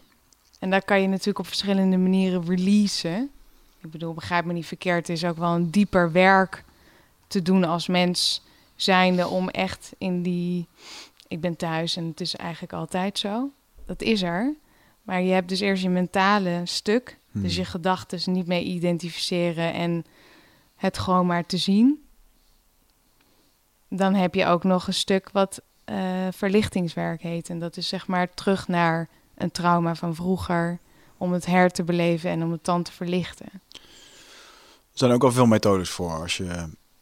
Ja, volgens mij is het een goede voor jullie om gewoon zo'n boksbal te pakken. En gewoon... Dat is een manier. Let it all out. is een manier. Zeker wel, Of van elkaar. Dat Ja. eh, werkt ook goed. Maar Niet, niet elkaar, niet elkaar. We hebben maandelijks eh Nutrofit spar, spardagen en dan gooien we alle zakelijke frustraties er even uit. ja, Ja, Dus dan word ik over de markt heen ik gesleurd. heb, door ik heb vorige, vorige week heb ik er een filmpje laten zien van Fedor, maar dat begreep ze niet. Nee? Nee. Wat is dat, Vedo? Dat is die man die iedereen in elkaar Sorry. beukte. Wat? Dat is die man die iedereen in elkaar beukte, die ongeslagen kampioen, waar ik een mooi filmpje van had. The Last Emperor. Waarvan jij zei, van, nou, dit begrijp ik echt niet. Ja. ja, goed. MMA, niet je ding? Vechten? Ja? Ja, hoeft niet. Nou, ik hou wel van eh stoeien of zo, maar vechten, nee. Oké. Ja, Nee. Begrijpelijk. Fedor is ook wel een, eh, een beest. Ja. Daarom heet hij ook is- Fedor. Maar, goed. maar als je kijkt naar het stukje... ehm, er zijn heel veel tools die je kan aanhalen. Ik sprak toevallig van de week nog iemand die ehm, uit een relatie kwam. Onzeker was voor een nieuwe vriend te ontmoeten, ontmoeten. En die antidepressiva had genomen drie weken. waarbij ze zelf zei van oké, ik had daardoor in één keer niet meer die beladenheid en ben daardoor iemand tegengekomen waar ze nu mee is. Ik ben geen voorstander van antidepressiva, maar hey, het is wel een tool die haar heeft geholpen daarin. Anderzijds, Waarom nu- denk je dat die tool haar geholpen heeft? omdat ze zichzelf weer toela- durfde toe te laten met andere mensen, Wat doet, wat doet antidepressiva? het vlakt je geest af. Ja, in je gevoel. Mhm. Dus wat doet antidepressiva? Het laat je niet voelen. Juist. Mhm. Mensen blokkeren zich alleen maar in het nu-moment. Dus nu is het enige wat er is. Misschien over vijf minuten. En I know, want ik weet, want ik spreek uit ervaring. Stap ik over een uur zo meteen deze studio uit. En bam, hit by a bus. Dat was het, einde verhaal. Ik kies ervoor om hier helemaal aanwezig te zijn. En wat ik voel, dat mag gewoon helemaal zijn. Mhm. Je zegt het is pijnmijdend gedrag. mensen manifesteren zich elke fractie van een seconde om iets te doen om niet geconfronteerd te worden in het nu-moment met zichzelf. Ja. En dat is het enige wat er is, is dus gedachtes en oude angst. En ik wil daar niet heen, want dat is zo confronterend. Ik voel zo enorm veel Mhm. of ik hoor zoveel, of er is zoveel ruis. Ik ga nu heel hard werken. Ik ga acht uur lang werken. Ik ga, als ik thuis kom, de tv aanzetten. Ik doe de radio aan. Ik ga appen de hele dag door. Ik, eh, als ik thuis kom, ga ik die drie boeken lezen. Ehm, ik ga met mijn vriendinnen eh, uit. Ik ga eh, twee dagen in de week lekker helemaal down the fucking drain eh, stappen, drinken en weet ik het allemaal. Dan kom je maandag in ieder geval met een roes een beetje op de werkvloer. Mhm. Het gaat er allemaal om dat wij niet geconfronteerd willen worden met onszelf in het moment. Ja. Want dat is voor velen zo onwijs angstig en zo intens dat ze dat zichzelf wijs hebben gemaakt Ja. dat ze daarvan af willen. En zo manifesteert ieder mens zich op een bepaald stuk ehm, vanuit een rol, een identiteit, om zeg maar daar niet mee geconfronteerd te worden. Hmm. Wat is dan jouw mening over bijvoorbeeld in Amerika heb je nu eh, Amerikaanse soldaten die terugkomen uit de oorlog. Ja. Ik geloof dat er 2000 soldaten in actie gedood zijn. En dat er nu meer dan 20.000... Hoeveel? Sorry, ik verstond je niet. 2000 Die in zijn actie. gedood. Dus dat zijn tijdens de oorlog 2000 Amerikanen gedood. Mm. We zijn nu een paar jaar verder. De oorlog is al een soort van voorbij. Er zijn 20.000 soldaten die zelfmoord hebben gepleegd. Omdat ze te maken hebben met posttraumatische stress. Allerlei andere dingen. eh, wordt niet goed opgevangen.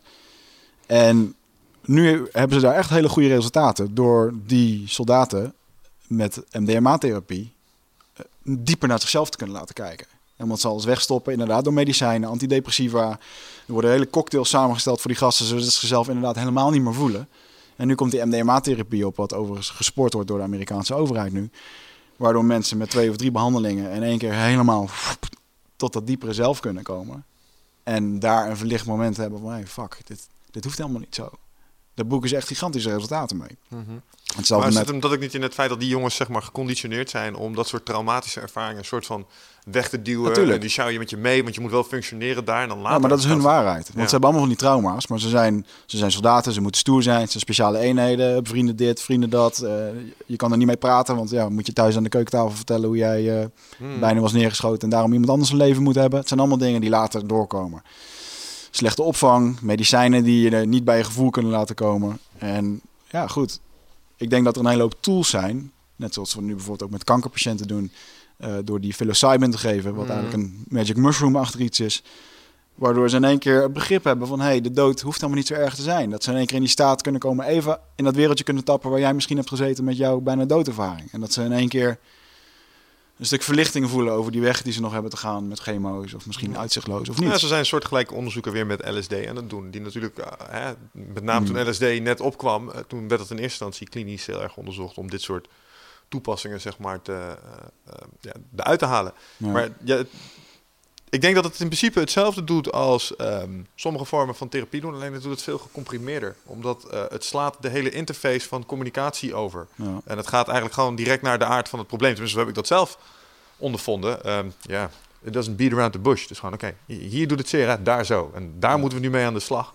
En al die rechtvaardigingen die jij hebt om daar maar niet mee aan de slag te gaan, daar hebben we nu even geen boodschap aan. Dus we gaan er nu mee bezig. Maar ben je het ermee eens dat dat soort, ehm, want dat is eigenlijk de vraag, dat soort tools, is het nuttig dat mensen dat doen? Of zeg jij van nou, dat hoeft helemaal niet?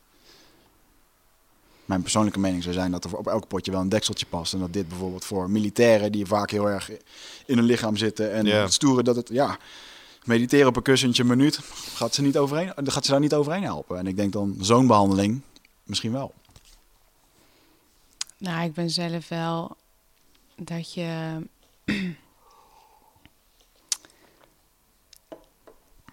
Vanuit jezelf alles aanwezig is. Zodat je niet iets van buitenaf nodig hebt om dat te doen.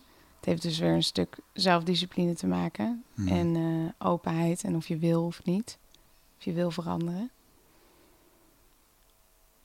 Ik hou mezelf, als ik dit gesprek heb, me meer ga ik meer van. ehm, waarom is er überhaupt oorlog? Hmm. Waarom sturen wij mensen in hemelsnaam naar een ander land om te vechten? Wat is op de, daarop uw antwoord? Heb je vast wel eens over nagedacht? Nou, niet over nagedacht, maar Het had de 18-jarige Marieke kunnen zijn die ze daarheen had gestuurd. Die in volle overtuiging daarheen was gegaan, omdat ze dacht dat ze een goede missie ging uitvoeren. ja, maar wat. Je weet helemaal niks joh, op je achttiende. Nou, daar kunnen we het allemaal wel over eens zijn. Tenzij je 18 bent terwijl je dit luistert. Dan denk je Toen dat ik je het 18 weet. was, je wist, weet het wist niet. ik alles. Je weet het echt niet. Dat is iets wat mijn moeder altijd Nee. zei. Dus eh, Nee, maar als ik nu naar de 18-jarige Marieke kijk, ja, weet je, daar kan je. Nou. Dat is eh, een mooi verhaal was dat. Maar als wij met z'n allen deze wereld tot een wat fijnere plek willen maken. hmm. Ehm, en niet het zo willen uitwonen, uitmoorden en weet ik het wat allemaal, wat we allemaal wel niet doen. Dan heeft het denk ik met een beginnersvraag te maken met... Is dit liefdevol voor mezelf en voor de ander? Hmm. om mijn gun te pakken en te aimen en te zeggen: hey, dit is mijn land. En trouwens, ik weet eigenlijk niet eens waarom ik Ja. naar je mik nu. Want ik heb namelijk geen idee, want ik was 18 toen ik getraind werd. En ik werd 18 getraind op al mijn overtuigingen, want ik was namelijk weg van mijn kern. Van mijn hart, van mijn gevoel, van eigenlijk alles wat er is. Hmm. Want iedereen in zichzelf wil nooit iemand pijn doen. Je kan jezelf wel wijsmaken dat je een brutal fight master king of all the kings bent. Maar dat is niet zo. Nee. Is dat zo? Nee, ik denk dat niemand slecht geboren is. Ja, totdat je honger krijgt. Ja, maar dat, is, nee, maar dat, is even, dat heeft te maken met tekort. Ja, nee, maar luister, da- da- daar hebben we het wel eens over gehad. Ik, maar dit is allemaal leuk lullen op het moment dat de verwarming aanstaat. Ja, maar daar hebben we het toen met Koert ook over gehad. Koert is trouwens een podcast die over twee podcasts uitgaat. We lopen een beetje achter met podcasts, maar toen met Koert hebben we het daar ook over gehad, dus die komt nog. Maar ja, leven in... Dan, als er genoeg maar is... dat is dat dat je gaat de mens is zo geconditioneerd op tekort. Mhm. Er is tekort, schaarste. Maar er is geen schaarste, er is overvloed. Op dit moment.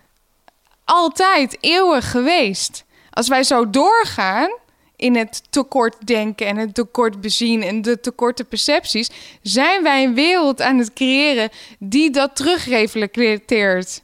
That's the power of perception, that's the power of creation. Hmm. Yes, over 100 jaar is er echt schaarste. Ja. Als we zo doorgaan, is er tekort. Of wij gaan individueel echt aannemen en ons ten volste doordrinken dat er alleen maar overvloed is. En overvloed delen. Dat is wat zeg maar het paradijs is, de hemel op aarde. Mhm. In plaats van uit een gedachte. Terwijl jij straks naar huis fietst, je, je, je eet je eten, eh, straks is er tekort. Hier is geen tekort. Klopt. Het is er niet. Het is er niet. Wij worden wel gepulst op de reclame dat het tekort is. Koop nu je bulbundel in. Ehm, hamsteren van Albert Heijn, helemaal top. Weet je wel, hamsteren, dat gaat helemaal zo in dat fundament... wat in de mens aanwezig is van tekort zitten. Ja. Daarom bonuspunten, daarom bewegen we onszelf zo zoals is- we ons bewegen. Dat is wat Jan Dijkgraaf eh, noemt eh, zeg maar voodoo marketing, neuromarketing. Wat ze daar eigenlijk doen, is inspelen op een aantal hele primaire eh, zaken die jij in hebt. Want kijk, nu heet het ten dagen, zeg maar, in de maatschappij die wij hebben. Ik ben het helemaal met je eens. Wij hebben geen schaarste. We hebben alles wat ons hartje begeert. En het enige wat je denkt dat je niet hebt, is wat je jezelf hebt wijsgemaakt dat je nodig hebt. Omdat de buurman het waarschijnlijk ook heeft of het vet zou vinden als jij het hebt. Dat geloof ik helemaal. Alleen eh, als jij eh, stelt van ja, maar wij mensen zijn eh, intrinsiek niet gemaakt om elkaar te kwetsen. Dan zeg ik, ehm, dat klopt. Als er aan een aantal voorwaarden voldaan is.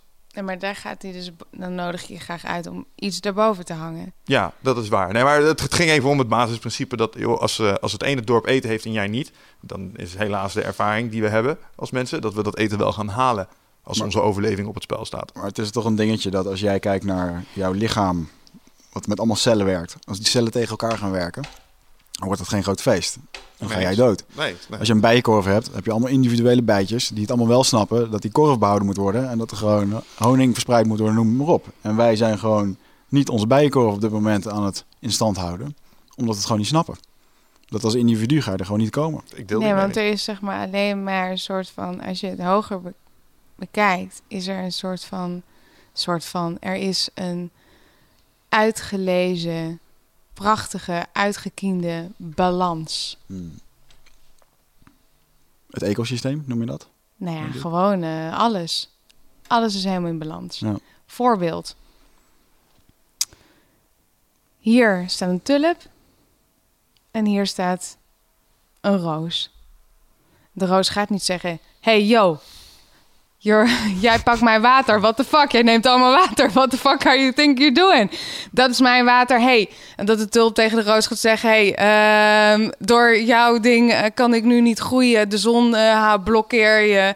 Ehm, nou, noem alle scheldwoorden op die je maar uit je mouw nu kan schudden. Ze zijn helemaal top. Het is een uitgelezen balans. Hmm. De wereld is in balans. Alles is in balans. Alleen wij mensen hebben dit geweldige bovenkamer. Die gewoon onwijs mooi met neuro, transistors, snaps, weet ik het wat je allemaal wel niet mooi kan verwoorden hiervoor. Hmm. Hebben de ding van de afscheiding. Daarom staan we zeg maar ons eigen natuurlijke evenwichtige balans in de weg. Je natuur. En projecteerden we dat ook uit op de ander. En de roos en de tulps creëren gewoon omdat ze creëren. Hmm. Creëren uit overvloed, omdat er alleen maar overvloed is. En hebben niet die. Ze zijn er namelijk gewoon. Ja. Wij Ik maken er potje van. Nee. Nee, wat je al zei, we hebben een eerder een podcast opgenomen en hadden we het er ook over. Waarbij ik vertelde dat als men in overvloed leeft, dat dan in één keer creatie, inspiratie, spiritualiteit in één keer een plek krijgt. Omdat daar rust voor is. Dat is de hoogste vorm ook Ja. van jezelf. Maar dat is ook een- scheppen. het is een vorm van zelfontplooiing. Ja. In principe. En dat staat helemaal bovenaan in de Maslow behoeftehiërarchie. Ja. Dus dat, dat deel ik helemaal met je. Ik denk ook dat dat voor deze planeet misschien wel een van de eh, grootste te, te behalen doelen is om ervoor te zorgen dat we allemaal op die manier kunnen leven. Om te zorgen dat iedereen, nou ja, ehm, die eerste basisbehoeften gewoon kan voorzien. Want ik begrijp echt wel dat als jij honger hebt en dat je dorst hebt, eh, dat het heel moeilijk is om, om verlicht over dit soort dingen na te denken. Omdat er dan toch echt wel overlevingsinstincten zo gaan meespelen. En dat wij hier in het Westen de luxe hebben om ons druk te maken over dit soort dingen. Druk tussen airquotes. Dat betekent dat die eerste basisbehoeften gewoon zijn ingevuld. En dan kun je zeg maar aan dat soort dingen gaan werken. Dat geloof ik echt wel. Ik denk dat daar ook onze, zeg maar, nou ja, als je dan kan spreken van redding, dat voor een boel mensen die daar ook wel ligt. Aan de andere kant, ja, eh, ik vraag me ook wel eens af of het ons eh, eh, nou precies brengt wat we nodig hebben. Want ik geloof dat jij me die anekdote vertelde, eh, dat de mensen bijvoorbeeld die in de jungles van Brazilië of van Mhm. Peru leven, die hebben een heleboel dingen die wij zeg maar, als randvoorwaardelijk vinden voor een normaal bestaan, internet, regulering en dat soort dingen, hebben ze helemaal niet. Maar ze leven een aanzienlijke, gelukkige bestaan. Maar wat dacht je van bijvoorbeeld gewoon, er is gewoon geen migraine daar. Ja, Bestaat niet. kanker. Het Had is je gewoon volgens mij ook als voorbeeld. Ja, ja. Dus dat is gewoon een man-made shit eigenlijk. ja. Dus zij leven gewoon ten volste in de samenhang vanuit zichzelf, vanuit gevoel, vanuit hun lichaam. En helemaal in ehm, ultiem balans met de aarde of moeder aarde, hoe je het wil noemen. Hmm. dat moeder aarde altijd overvloedig zal geven op de juiste tijd in de juiste ruimte. Want altijd is alles aanwezig. En met de hogere zelf. De kosmos, het universum, het licht, noem alles maar op. Mhm. Wij mensen hier hebben een heel ander verhaal. Hmm. Maar die staat van zijn of dat gewoon leven, dat is wat we gewoon zijn. Alleen hier in de westerse maatschappij ehm, ga je gewoon op je vierde naar de basisschool. Mhm. Top. Ja, nou ja. Get in line, boy. Maar is dat, dat is slecht, begrijp ik? Nou, dat is niet slecht, maar ehm, ja, op je vierde ga je gewoon naar de basisschool. Ga je gewoon als kind zijnde, terwijl je vol in je creatie zit. hey, Begin Want je labels. bent altijd heel compleet en perfect aanwezig. Ga je zitten. Dan ga je trouwens ook niet twee uurtjes zitten. Je zit acht uur lang. Mhm. Zit je in hetzelfde gebouw. Ja, Als ik me goed bekijk, van ha- negen tot drie. Daar gaat het me. Snap ik. Maar we moeten ze taal en economie en rekenen Ja, leren. maar Anders dat- kan die economie niet Nee, maar draaien, dude, jongens. ja, kijk nou naar die- gaat het uiteindelijk Hey, maar om. kijk- Money! ja, nou, maar dat is het Ja, toch? maar kijk nou naar die Indianen. Die doen dat toch ook niet? Ja, die maar- leven wel gewoon relaxed in harmonie. En die snappen wel wat voor hun belangrijk Snap is. ik, maar die leven niet in een economie en een wereldmaatschappij waarbij eigenlijk die kleuters die daar in de bank zitten, productiecapaciteit zijn. Dat is, want namelijk, de- hè, want onze economie is voor een belangrijk deel gestoeld op onze opleiding. Waarom? Zodat die mensen straks een Ja. bijdragend onderdeel van de workforce kunnen Maar worden. als je nou gewoon eten hebt en je community en de mensen om je heen waar je om geeft en je kunt lekker in harmonie Oh, leven in de natuur. ik is zeg dat niet dat het ideaal is. Ik zeg alleen waarom het zo is dat we zeg maar, Mm. op deze manier onze maatschappij hebben ingericht. Dat het ideaal is. Waarom, waar, waar, waar- waarom denk je dat het economiesysteem zo belangrijk is? Ja, dat is een hele goede vraag. Dat weet ik niet. Ik denk dat, nou ja, ja, ik weet het wel, want money makes the world go round. Geld is nou eenmaal, hè, zoals wij onze manier van handel hebben ingericht, is gewoon een doorslaggevend ding. En eh, wij mensen hebben het in ons... Doorslaggevend ding in wat? Eh, nou ja, op dit moment voor de goede gemeente, als jij eh, veel centjes eh, weet te vergaren, dan, eh, dan doe je het goed. En deze maatschappij, het is een soort maatstaaf van je succes voor, de, voor het grotendeel van de mensen. Ja, En daarom is het doel voor eh, het grotendeel van de mensen ook zoveel mogelijk ervan proberen te vergaren en bij zich te houden. Ja. dat, het, of dat het juist een spelletje spelen is, dat durf ik in twijfel te trekken. Maar dat is wel hoe het werkt.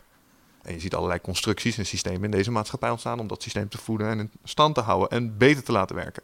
Dat is waar we mee bezig zijn. ja. Dus Hoe wil jij je voelen? ehm, vrolijk, vooral En eh, opgewekt. wek- werkt een eh 80, 90 uur werkweek daaraan bij. Eerst niet, toen ik eh, niet met de juiste dingen bezig was. Nu ga ik een cliché gebruiken, nu voelt het niet meer als werken. Die, fijn. Ja, ik krijg andere e-mails van jou. You're lying.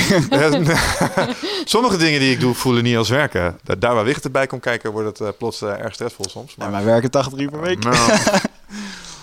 Nee, maar de- om, om je vraag te beantwoorden. Ik wil me, eh, ik wil me opgewekt voelen. En ehm, dan kun je verder denken, wa- wat geeft mij een opgewekt gevoel? Dat is als ik ehm, dingen voor elkaar aan het krijgen ben waar ik enthousiast van word. waar ik een hartstocht bij heb. En ik heb echt wel dingen gedaan waarbij 80, eh 70 uur werkweken eh, van toepassing waren. Waarbij ik absoluut niet blij was met wat ik aan het doen was. En dat ik ook gewoon geen mooie mens werd van de dingen die ik aan het doen was.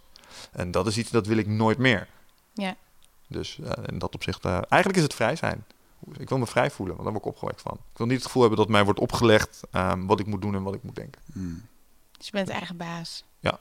Een eindbaas. Nou, dat nog lang niet, Ja. maar we mogen wel met eindbazen spreken. Iedereen is zijn eigen eindbaas. Ja, dat is natuurlijk ook wel een beetje waar. Ja, Maar dat is hoe ik me zou willen voelen. mooi. Ja. Vrij, vrijheid, zei je. Mhm. Hoe ziet dat eruit, vrijheid? Hmm, ja. We hebben dat wel eens ehm, eh, verwoord, maar dan ga je eigenlijk meespelen in het... Eigenlijk zijn we al vrij. Want je kunt eigenlijk al doen en laten wat je zelf wil. Ja, Alleen eh, wat Wicht en ik nog wel eens merken is dat we niet alles doen en laten wat we zelf willen of niet, nog niet durven, omdat we bang zijn voor consequenties die daaraan kleven. Wij zouden best wel over sommige thema's misschien nog verder willen praten, maar hey, misschien disqualificeren we onszelf wel in de spelregels van de hedendaagse maatschappij. Maar meen jij dit nu echt? Alles voor een wat deel. ik, er is hier echt niks wat ik niet zeg. Nee, dat is waar. Maar ehm, Dat was bij onze eerste ayahuasca podcast zaten we daarover te pielen. Van hoe zal dit ontvangen worden? Maar volgens mij is het daarna geen Nou, zo ervaar ik dat niet. In we nemen geval. geen blad voor de mond en we gaan een stuk verder als sommigen gaan. Maar we hebben nog steeds het conceptje fuck you money in ons hoofd zitten. Snap je? Wat is echte vrijheid? Dat is, eh, wij, wij hebben dan een, een grapje onderling, dat is fuck you money. Dan heb je zoveel geld op je bankrekening staan, dat het echt niet meer uitmaakt wat iemand van je vindt. Want desnoods neem je zijn tent over. Of ehm, koop je een stuk regenwoud omdat je daar per se iets mee wil doen.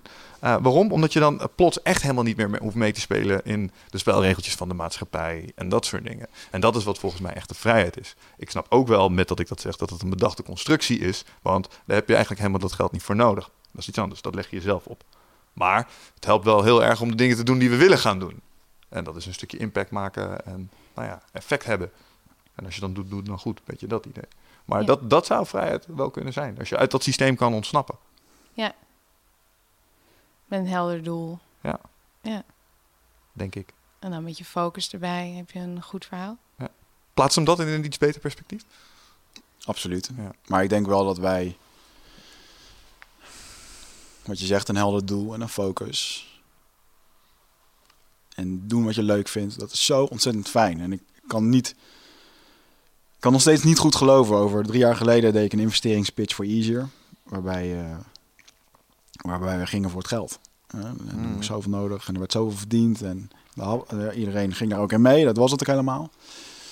Ja, en onlangs hebben we dan een keuze gemaakt dat, ik, eh, dat we voluit op Nutrifit willen gaan. En dan gaan we ook weer een investeringsronde doen. En we hebben het niet eens over geld gehad. We Ja, dat wil ik dus net zeggen. we hebben het gewoon heerlijk gehad over dat we onze grote missie is regenwoud kopen. Mensen een beter bewustzijn eh, helpen. een betere wereld ver- verzorgen en goede supplementen leveren. En met allerlei andere mooie dingen die we willen creëren en doen. En we hebben gewoon het verhaal verkocht. Waarbij gewoon werd gezegd van joh, als je onze visie en je missie niet mooi vindt, dan schiet het ook niet op om samen te Ja, werken. we hebben mensen geenthousiasmeerd voor ons doel. En dan praten we later wel over dat geld. En dan hoort dit ook bij dat eindbaas. Ik bedoel, ja, dit is ook gewoon nog steeds hobbyen. En het begint uit de hand te lopen. Ja. Maar het is wel, ik sta nu sinds een paar weken iedere dag op met ik mag weer gaan doen wat ik leuk vind. Ja. En dat is wel even anders geweest. En dat is iets wat ik mezelf wel heb aangepraat. En dat is heel tof en is heel krachtig. En dat, je ziet dan ook dat alle andere systemen ook in één keer gaan draaien. Want al die angsten waar ik in, in leefde of al die beperkingen. Ja, dan gebeurt er dus ook niks. Want nee, je leeft in die angst. Terwijl op het moment dat je daar overheen durft te stappen, Hmm. dan komen er in één keer honderd dingen op je af waarvoor je voorheen misschien niet open stond of deuren die gesloten waren. Ja, je gaat anders naar de wereld kijken. Hmm. Wat is in dat op zich jouw doel? Mijn doel? Mhm. Wat is je missie?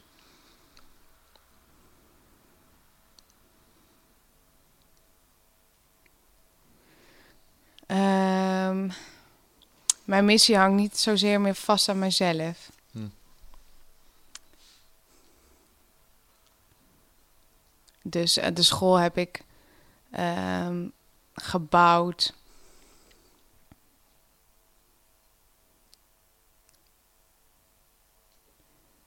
De school he- heb ik gezien en is me gegeven. Dus dat, dat, dat is al voor mij eh, want ik heb hiervoor gaand ook andere in- eh, bedrijven gehad. Dus Hmm. om even een beeld te scheppen van... eh, Hmm. of een verhaal bij Marieke te hebben... is dat ik gewoon een ondernemer ben. En dan ook niet lullen, maar poetsen. Ja. Dus ik heb een, een fotoshootingbedrijf gehad... vijf jaar op de Vondelstraat in Amsterdam. Met eh, vier, vijf vrouwen. En een internet start-up met funding en zo. En daartussendoor deed ik ook nog investeringsrondes voor andere bedrijven. Hm. En vind ik het vooral ook heel erg leuk om te kijken naar financiële casussen van bedrijven waarom ze het schip zinkt. Ja, ja, oké. Vind ik heel interessant. Een soort ramptoerisme. Ja, een soort randtoerisme. you guys fucked up. nee, omdat ik gewoon eigenlijk heel erg... Eigenlijk, eigenlijk zie ik overal alleen maar oplossingen. Mhm. En ehm, toen ik het, investeer, eh, het investeringsbedrijf, het internetbedrijf verkocht had, ben ik eh, in mijn eentje naar Spanje gegaan om even over mijn angst heen te gaan van Mhm. onveilig zijn en oh my god, in mijn eentje. Ik hou heel erg van hiken. En dat heb ik toen eh, een maand, twee maanden gedaan in Spanje. Mooie scenario's meegemaakt, Mm. waardoor ik wel even holy shit aan mijn safety. maar en toen heb ik zeg maar mijn roeping gekregen of mijn visioen dat dat de school was. Hm. En dat ontstijgt zeg maar zelf mijn eigen Marieke verhaal. Dus ik zit 's ochtends gewoon eigenlijk te zeggen dat ik mezelf maar niet in de weg mag staan. Hm. En datgene wat er dan is, hogere zelf, dat dat er doorheen mag komen. Ja, ja, ja. En dat, dat door zo onwijs en intens daar vertrouwen in mezelf te hebben, in Marieke, maar ook daarin, Hm. gaat het gewoon. Het, het, het, het manifesteert zich, het, het is er. eh, mensen, de mensen die zich daaraan gelinkt hebben, of mensen die allemaal voor de school werken, zijn allemaal fantastisch, eh, amazing. Het is gewoon een soort van een eh, flow van hier tot Tokio. Hm. En in die flow zie ik mezelf, of heb ik gezien wat de school is, wat het nu nog niet is. En dat is dan dat het een, eh, ehm, dat het een gevestigde orde is midden in de stad Amsterdam. Mhm. Midden in de densheid van het bestaan. Een eh, rustplek waar je gewoon kan zijn en waar je met gelijkgestemden aan jezelf kan werken.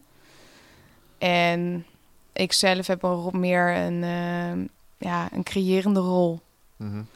En eh, misschien eh, is het wel zo dat dit, dit hè, om dat even in aardse talen te zeggen, Mm. concept niet bestaat. Dat ik er wel in geloof dat het ook in Berlijn of in Londen of Milaan kan staan. Je bent al in franchises aan het denken. Juist. More money. ja, Fuck that shit. Nee, Gewoon een maar businessplan ergens. het is namelijk ook zo dat ik dat, wat ik gezien heb, is dat ehm, om het even een laagje hoger te trekken. ehm, aangezien ik een vrouw ben van 33 en misschien over twee jaar ook wel kinderen wil. En ik met mijn kinderen straks ook een leuk verhaal wil hebben voor in de toekomst. Want eigenlijk in deze parallele tijden met spiegels en dingen zijn bomen ook nodig. Hm. Dus eh, daar hangt een stichting boven de school. Ja. En eh, een groot gedeelte van de winst gaat naar de stichting. Met die stichting ga ik landen kopen of stukken grond om het weer te rewilden. Goed zo. Dus dat het cirkeltje rond is. Dus ik ben eigenlijk gewoon lekker dienstbaar, joh. Ja, gaaf. Ja. Is dat ook je ultieme missie eigenlijk? Daarmee zeg je eigenlijk, ik ben een stukje van de wereld aan het redden.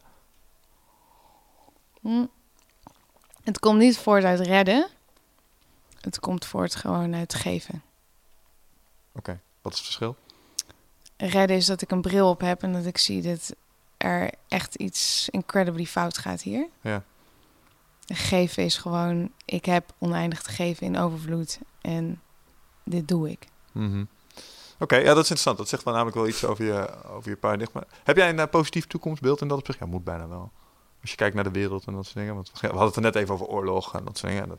We leven natuurlijk in turbulente tijden. Ja, Maar als je dit nou van een afstandje bekijkt en ik hoor je dingen zeggen, maar ik wil wel aan de wereld geven. Dus dat betekent ook dat je nog wel hoop hebt, want anders zou je dat waarschijnlijk ook niet meer doen. nou, het is. mm, om het dan ook even. De wereld, zeg maar, de, de, de fysieke vertolking. Mhm. De aarde, de oorlogen, de mensen en zo. Dat is, een, dat is één vertoning. Maar er is ook een non-fysieke vertoning. En in non-fysiek, eh, dus materieel, immaterieel, ehm, aardse realiteit, ehm, de trillingsrealiteit. In de non-fysiek is de wereld het paradijs. Wat is de trillingsrealiteit?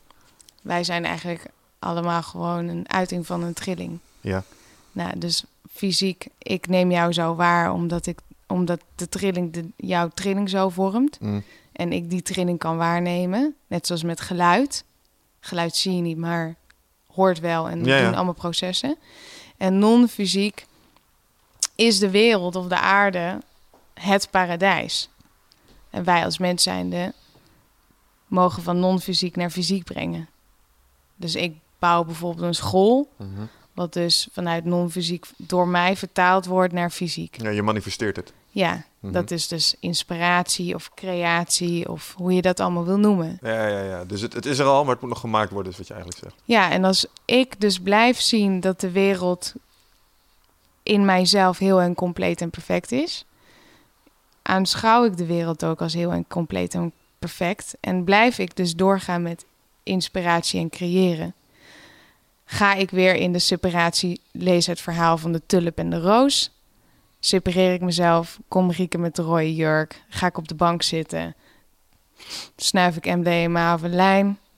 drink ik vijf glazen wijn, doe ik de tv aan en zeg ik adios. Mhm. En wordt het niet een fijn, alomvattend, bloeiend, overvloedig verhaal. Mhm. Wat wel is. Het wordt- wordt een competitie wie het grootste regenwoud gaat kopen, hoor ik. Eh, misschien kun, ik geloof wel in samen. Zullen we buren worden? Oh, we stukjes naast elkaar samen- kopen. Naast elkaar Ja. kopen, ja. Ja, Komt goed. Ja, het is wel een... ehm, ik geloof wel in samen. het is nu gewoon een ding wat, eh, wat wij gewoon echt uit willen dragen. Ook straks bij elk product wat wordt gekocht, daar kan je bij doneren. Daar kan je bij... De winst gaat ook naar een stichting toe. We moeten binnenkort gewoon maar eens een keer een podcastje even alles uit de doeken doen. Mhm. Ja. Maar ja, het voelt wel gewoon goed. Het grote verhaal. Om dat ook echt te gaan doen en dat ook echt te menen. Want dat is denk ik ook nog wel een dingetje. Ik denk dat eh, met, ja, als ik gewoon naar mezelf kijk, ehm, verlichting of dingen doen eh, om het eh, spirituele pad op te gaan, dat is tegenwoordig ook wel hip en zo. Hè? En daar kleeft natuurlijk ook wel aan van, oh, je bent ermee bezig. En, en dan merk je dat ego dan plots ook wel. Ik heb wel eens complimenten gehad van mensen, oh, leuk dat je durfde om ayahuasca te doen. Dan denk je, ja, verlicht van mezelf. Hè? Dan denk je, nee, dat is volgens mij helemaal niet de bedoeling. I'm more enlightened than you, bitch. Ja, precies. dat dus. volgens mij is dat juist het tegendeel. Nee, ja, maar- tuurlijk. Maar dat is er ook wat Michael Pelagic zei met... Van, eh, ik doe, jij bent helemaal niet zo spiritueel. Hè? Of jij doet alsof je al spiritueel bent. Dan, door die opmerking te plaatsen is het al...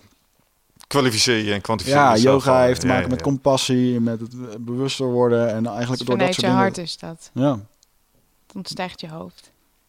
dus daar moeten we met z'n allen aan gaan werken. Hmm. En om het dan nog aan te tikken, is dus dat wij mensen eigenlijk niet zien door onze ogen. Maar we zien eigenlijk met ons hart. Hmm. Dat heet ook wel, het resoneert met mij of niet. En als wij met z'n allen hier vanuit gaan leven en zien en horen en doen, voelen andere mensen dat ook. Dus integriteit, authenticiteit, noem alles maar op. Het komt hieruit. Hmm. In jouw termen enthousiasme waarschijnlijk, Hmm. denk ik. Mensen die dus eh, vanuit een andere bril op eh, met deze thematieken bezig zijn. Ehm, mensen die dat op eh, de scherm of op de televisie of op de computer dat aan bekijken zijn. Ehm, mensen zijn heel goed in staat om te voelen of het met ze resoneert of niet. Of het uit de kader komt van ego of uit Maar is resoneren ook niet vaak op rationeel niveau dan? Dat is dan wat mij, eh, zeg maar wat dan weer mij opkomt. Kijk, soms hoor ik mensen dingen zeggen en dan denk ik, ja, het is leuk dat je het zegt, maar dit- ik, zie, ik kijk niet hetzelfde tegen de feiten aan, zeg maar, als jij nu op dit moment doet. En soms, soms resoneert het heel erg omdat iemand iets zegt, waarvan ik denk van, ja, dit past echt helemaal in mijn theoretische kaders en normen en waardenperspectief en dat soort dingen. En daarom voelt het goed. Ja, Snap je? Dus dat komt in eerste instantie, ontstaat dat in je hoofd. Van, hé, hey, hij zegt dingen die ik ook denk. En daar komt dan dat stukje resoneren uit voort. ja, dat is dus zeg maar jouw eigen diepere verlangens om daarmee eigenlijk te matchen. Ja, het valideert sommige ideeën die je hebt. Zie, je hebt zie je nou wel? Ik ben toch niet helemaal achterlijk. Jij hebt eigenlijk gewoon, je hebt dan een lijstje die je gemaakt hebt. En die tik je af tijdens het gesprek. En daardoor kan je tegen jezelf zeggen: zie je nou wel, ik heb gelijk. Ja, ja, Ja. soms wel, ja. ja. Ja, want als ik dan probeer te betrekken op mezelf, wat ik jou zeggen dat het vanuit je hart komt, dan denk ik, ja, dan zit ik dan toch veel in mijn hoofd als ik op die manier werk. In tegenstelling tot zoals jij dat zojuist omschrijft. En dan Ja. vraag ik me af, is dat iets wat ik dan zou kunnen, ja of nee? Of werkt het altijd zo bij mij? Ben ik gewoon zo gebouwd? Dat hebt de komende tijd gewoon heel veel werk te doen, maak ik hieruit op. Is dat zo? Ja, moet, moet het veranderd worden dan? Nee, dat weet ik niet. Moet je Ja, zelf dat doen. vraag ik me dan Het is niet aan mij, toch? Ja, nee, maar ik eh, probeer me dat oprecht af te vragen. Is dat nou gewoon echt, eh, is dat nou persoonlijkheid? Is dat nou gewoon hoe mensen verschillend geconfigureerd kunnen zijn? En is dat dan even geldig, ja of nee? Ik denk het wel, maar... Gelukkig zijn is ook maar een eh, perceptie. Voor iedereen verschillend. Ja, dat is zeker waar. Ik zie sommige mensen dingen doen met hun tijd waarvan ik denk, daar zou ik niet heel gelukkig van worden. Maar dat is voor hun het beste wat Ja, is. ja, Ja. Dat is niet te bepalen inderdaad. Nee, daarom. Wat ehm, kunnen we de komende tijd verwachten op de bewustzijnsschool in Amsterdam? Het is een super fijne plek in Amsterdam. Ik ben er zelf een paar keer geweest. Het hangt fijne energie, relaxte mensen, goede leraren. Wat eh, ga je de komende tijd allemaal uitvogelen en eh, manifesteren in de school? Uitvogelen. Nou ja, goed, je hebt allemaal nieuwe lessen en dingen toch? Dus, eh, We, het is nog net nieuw, redelijk nieuw.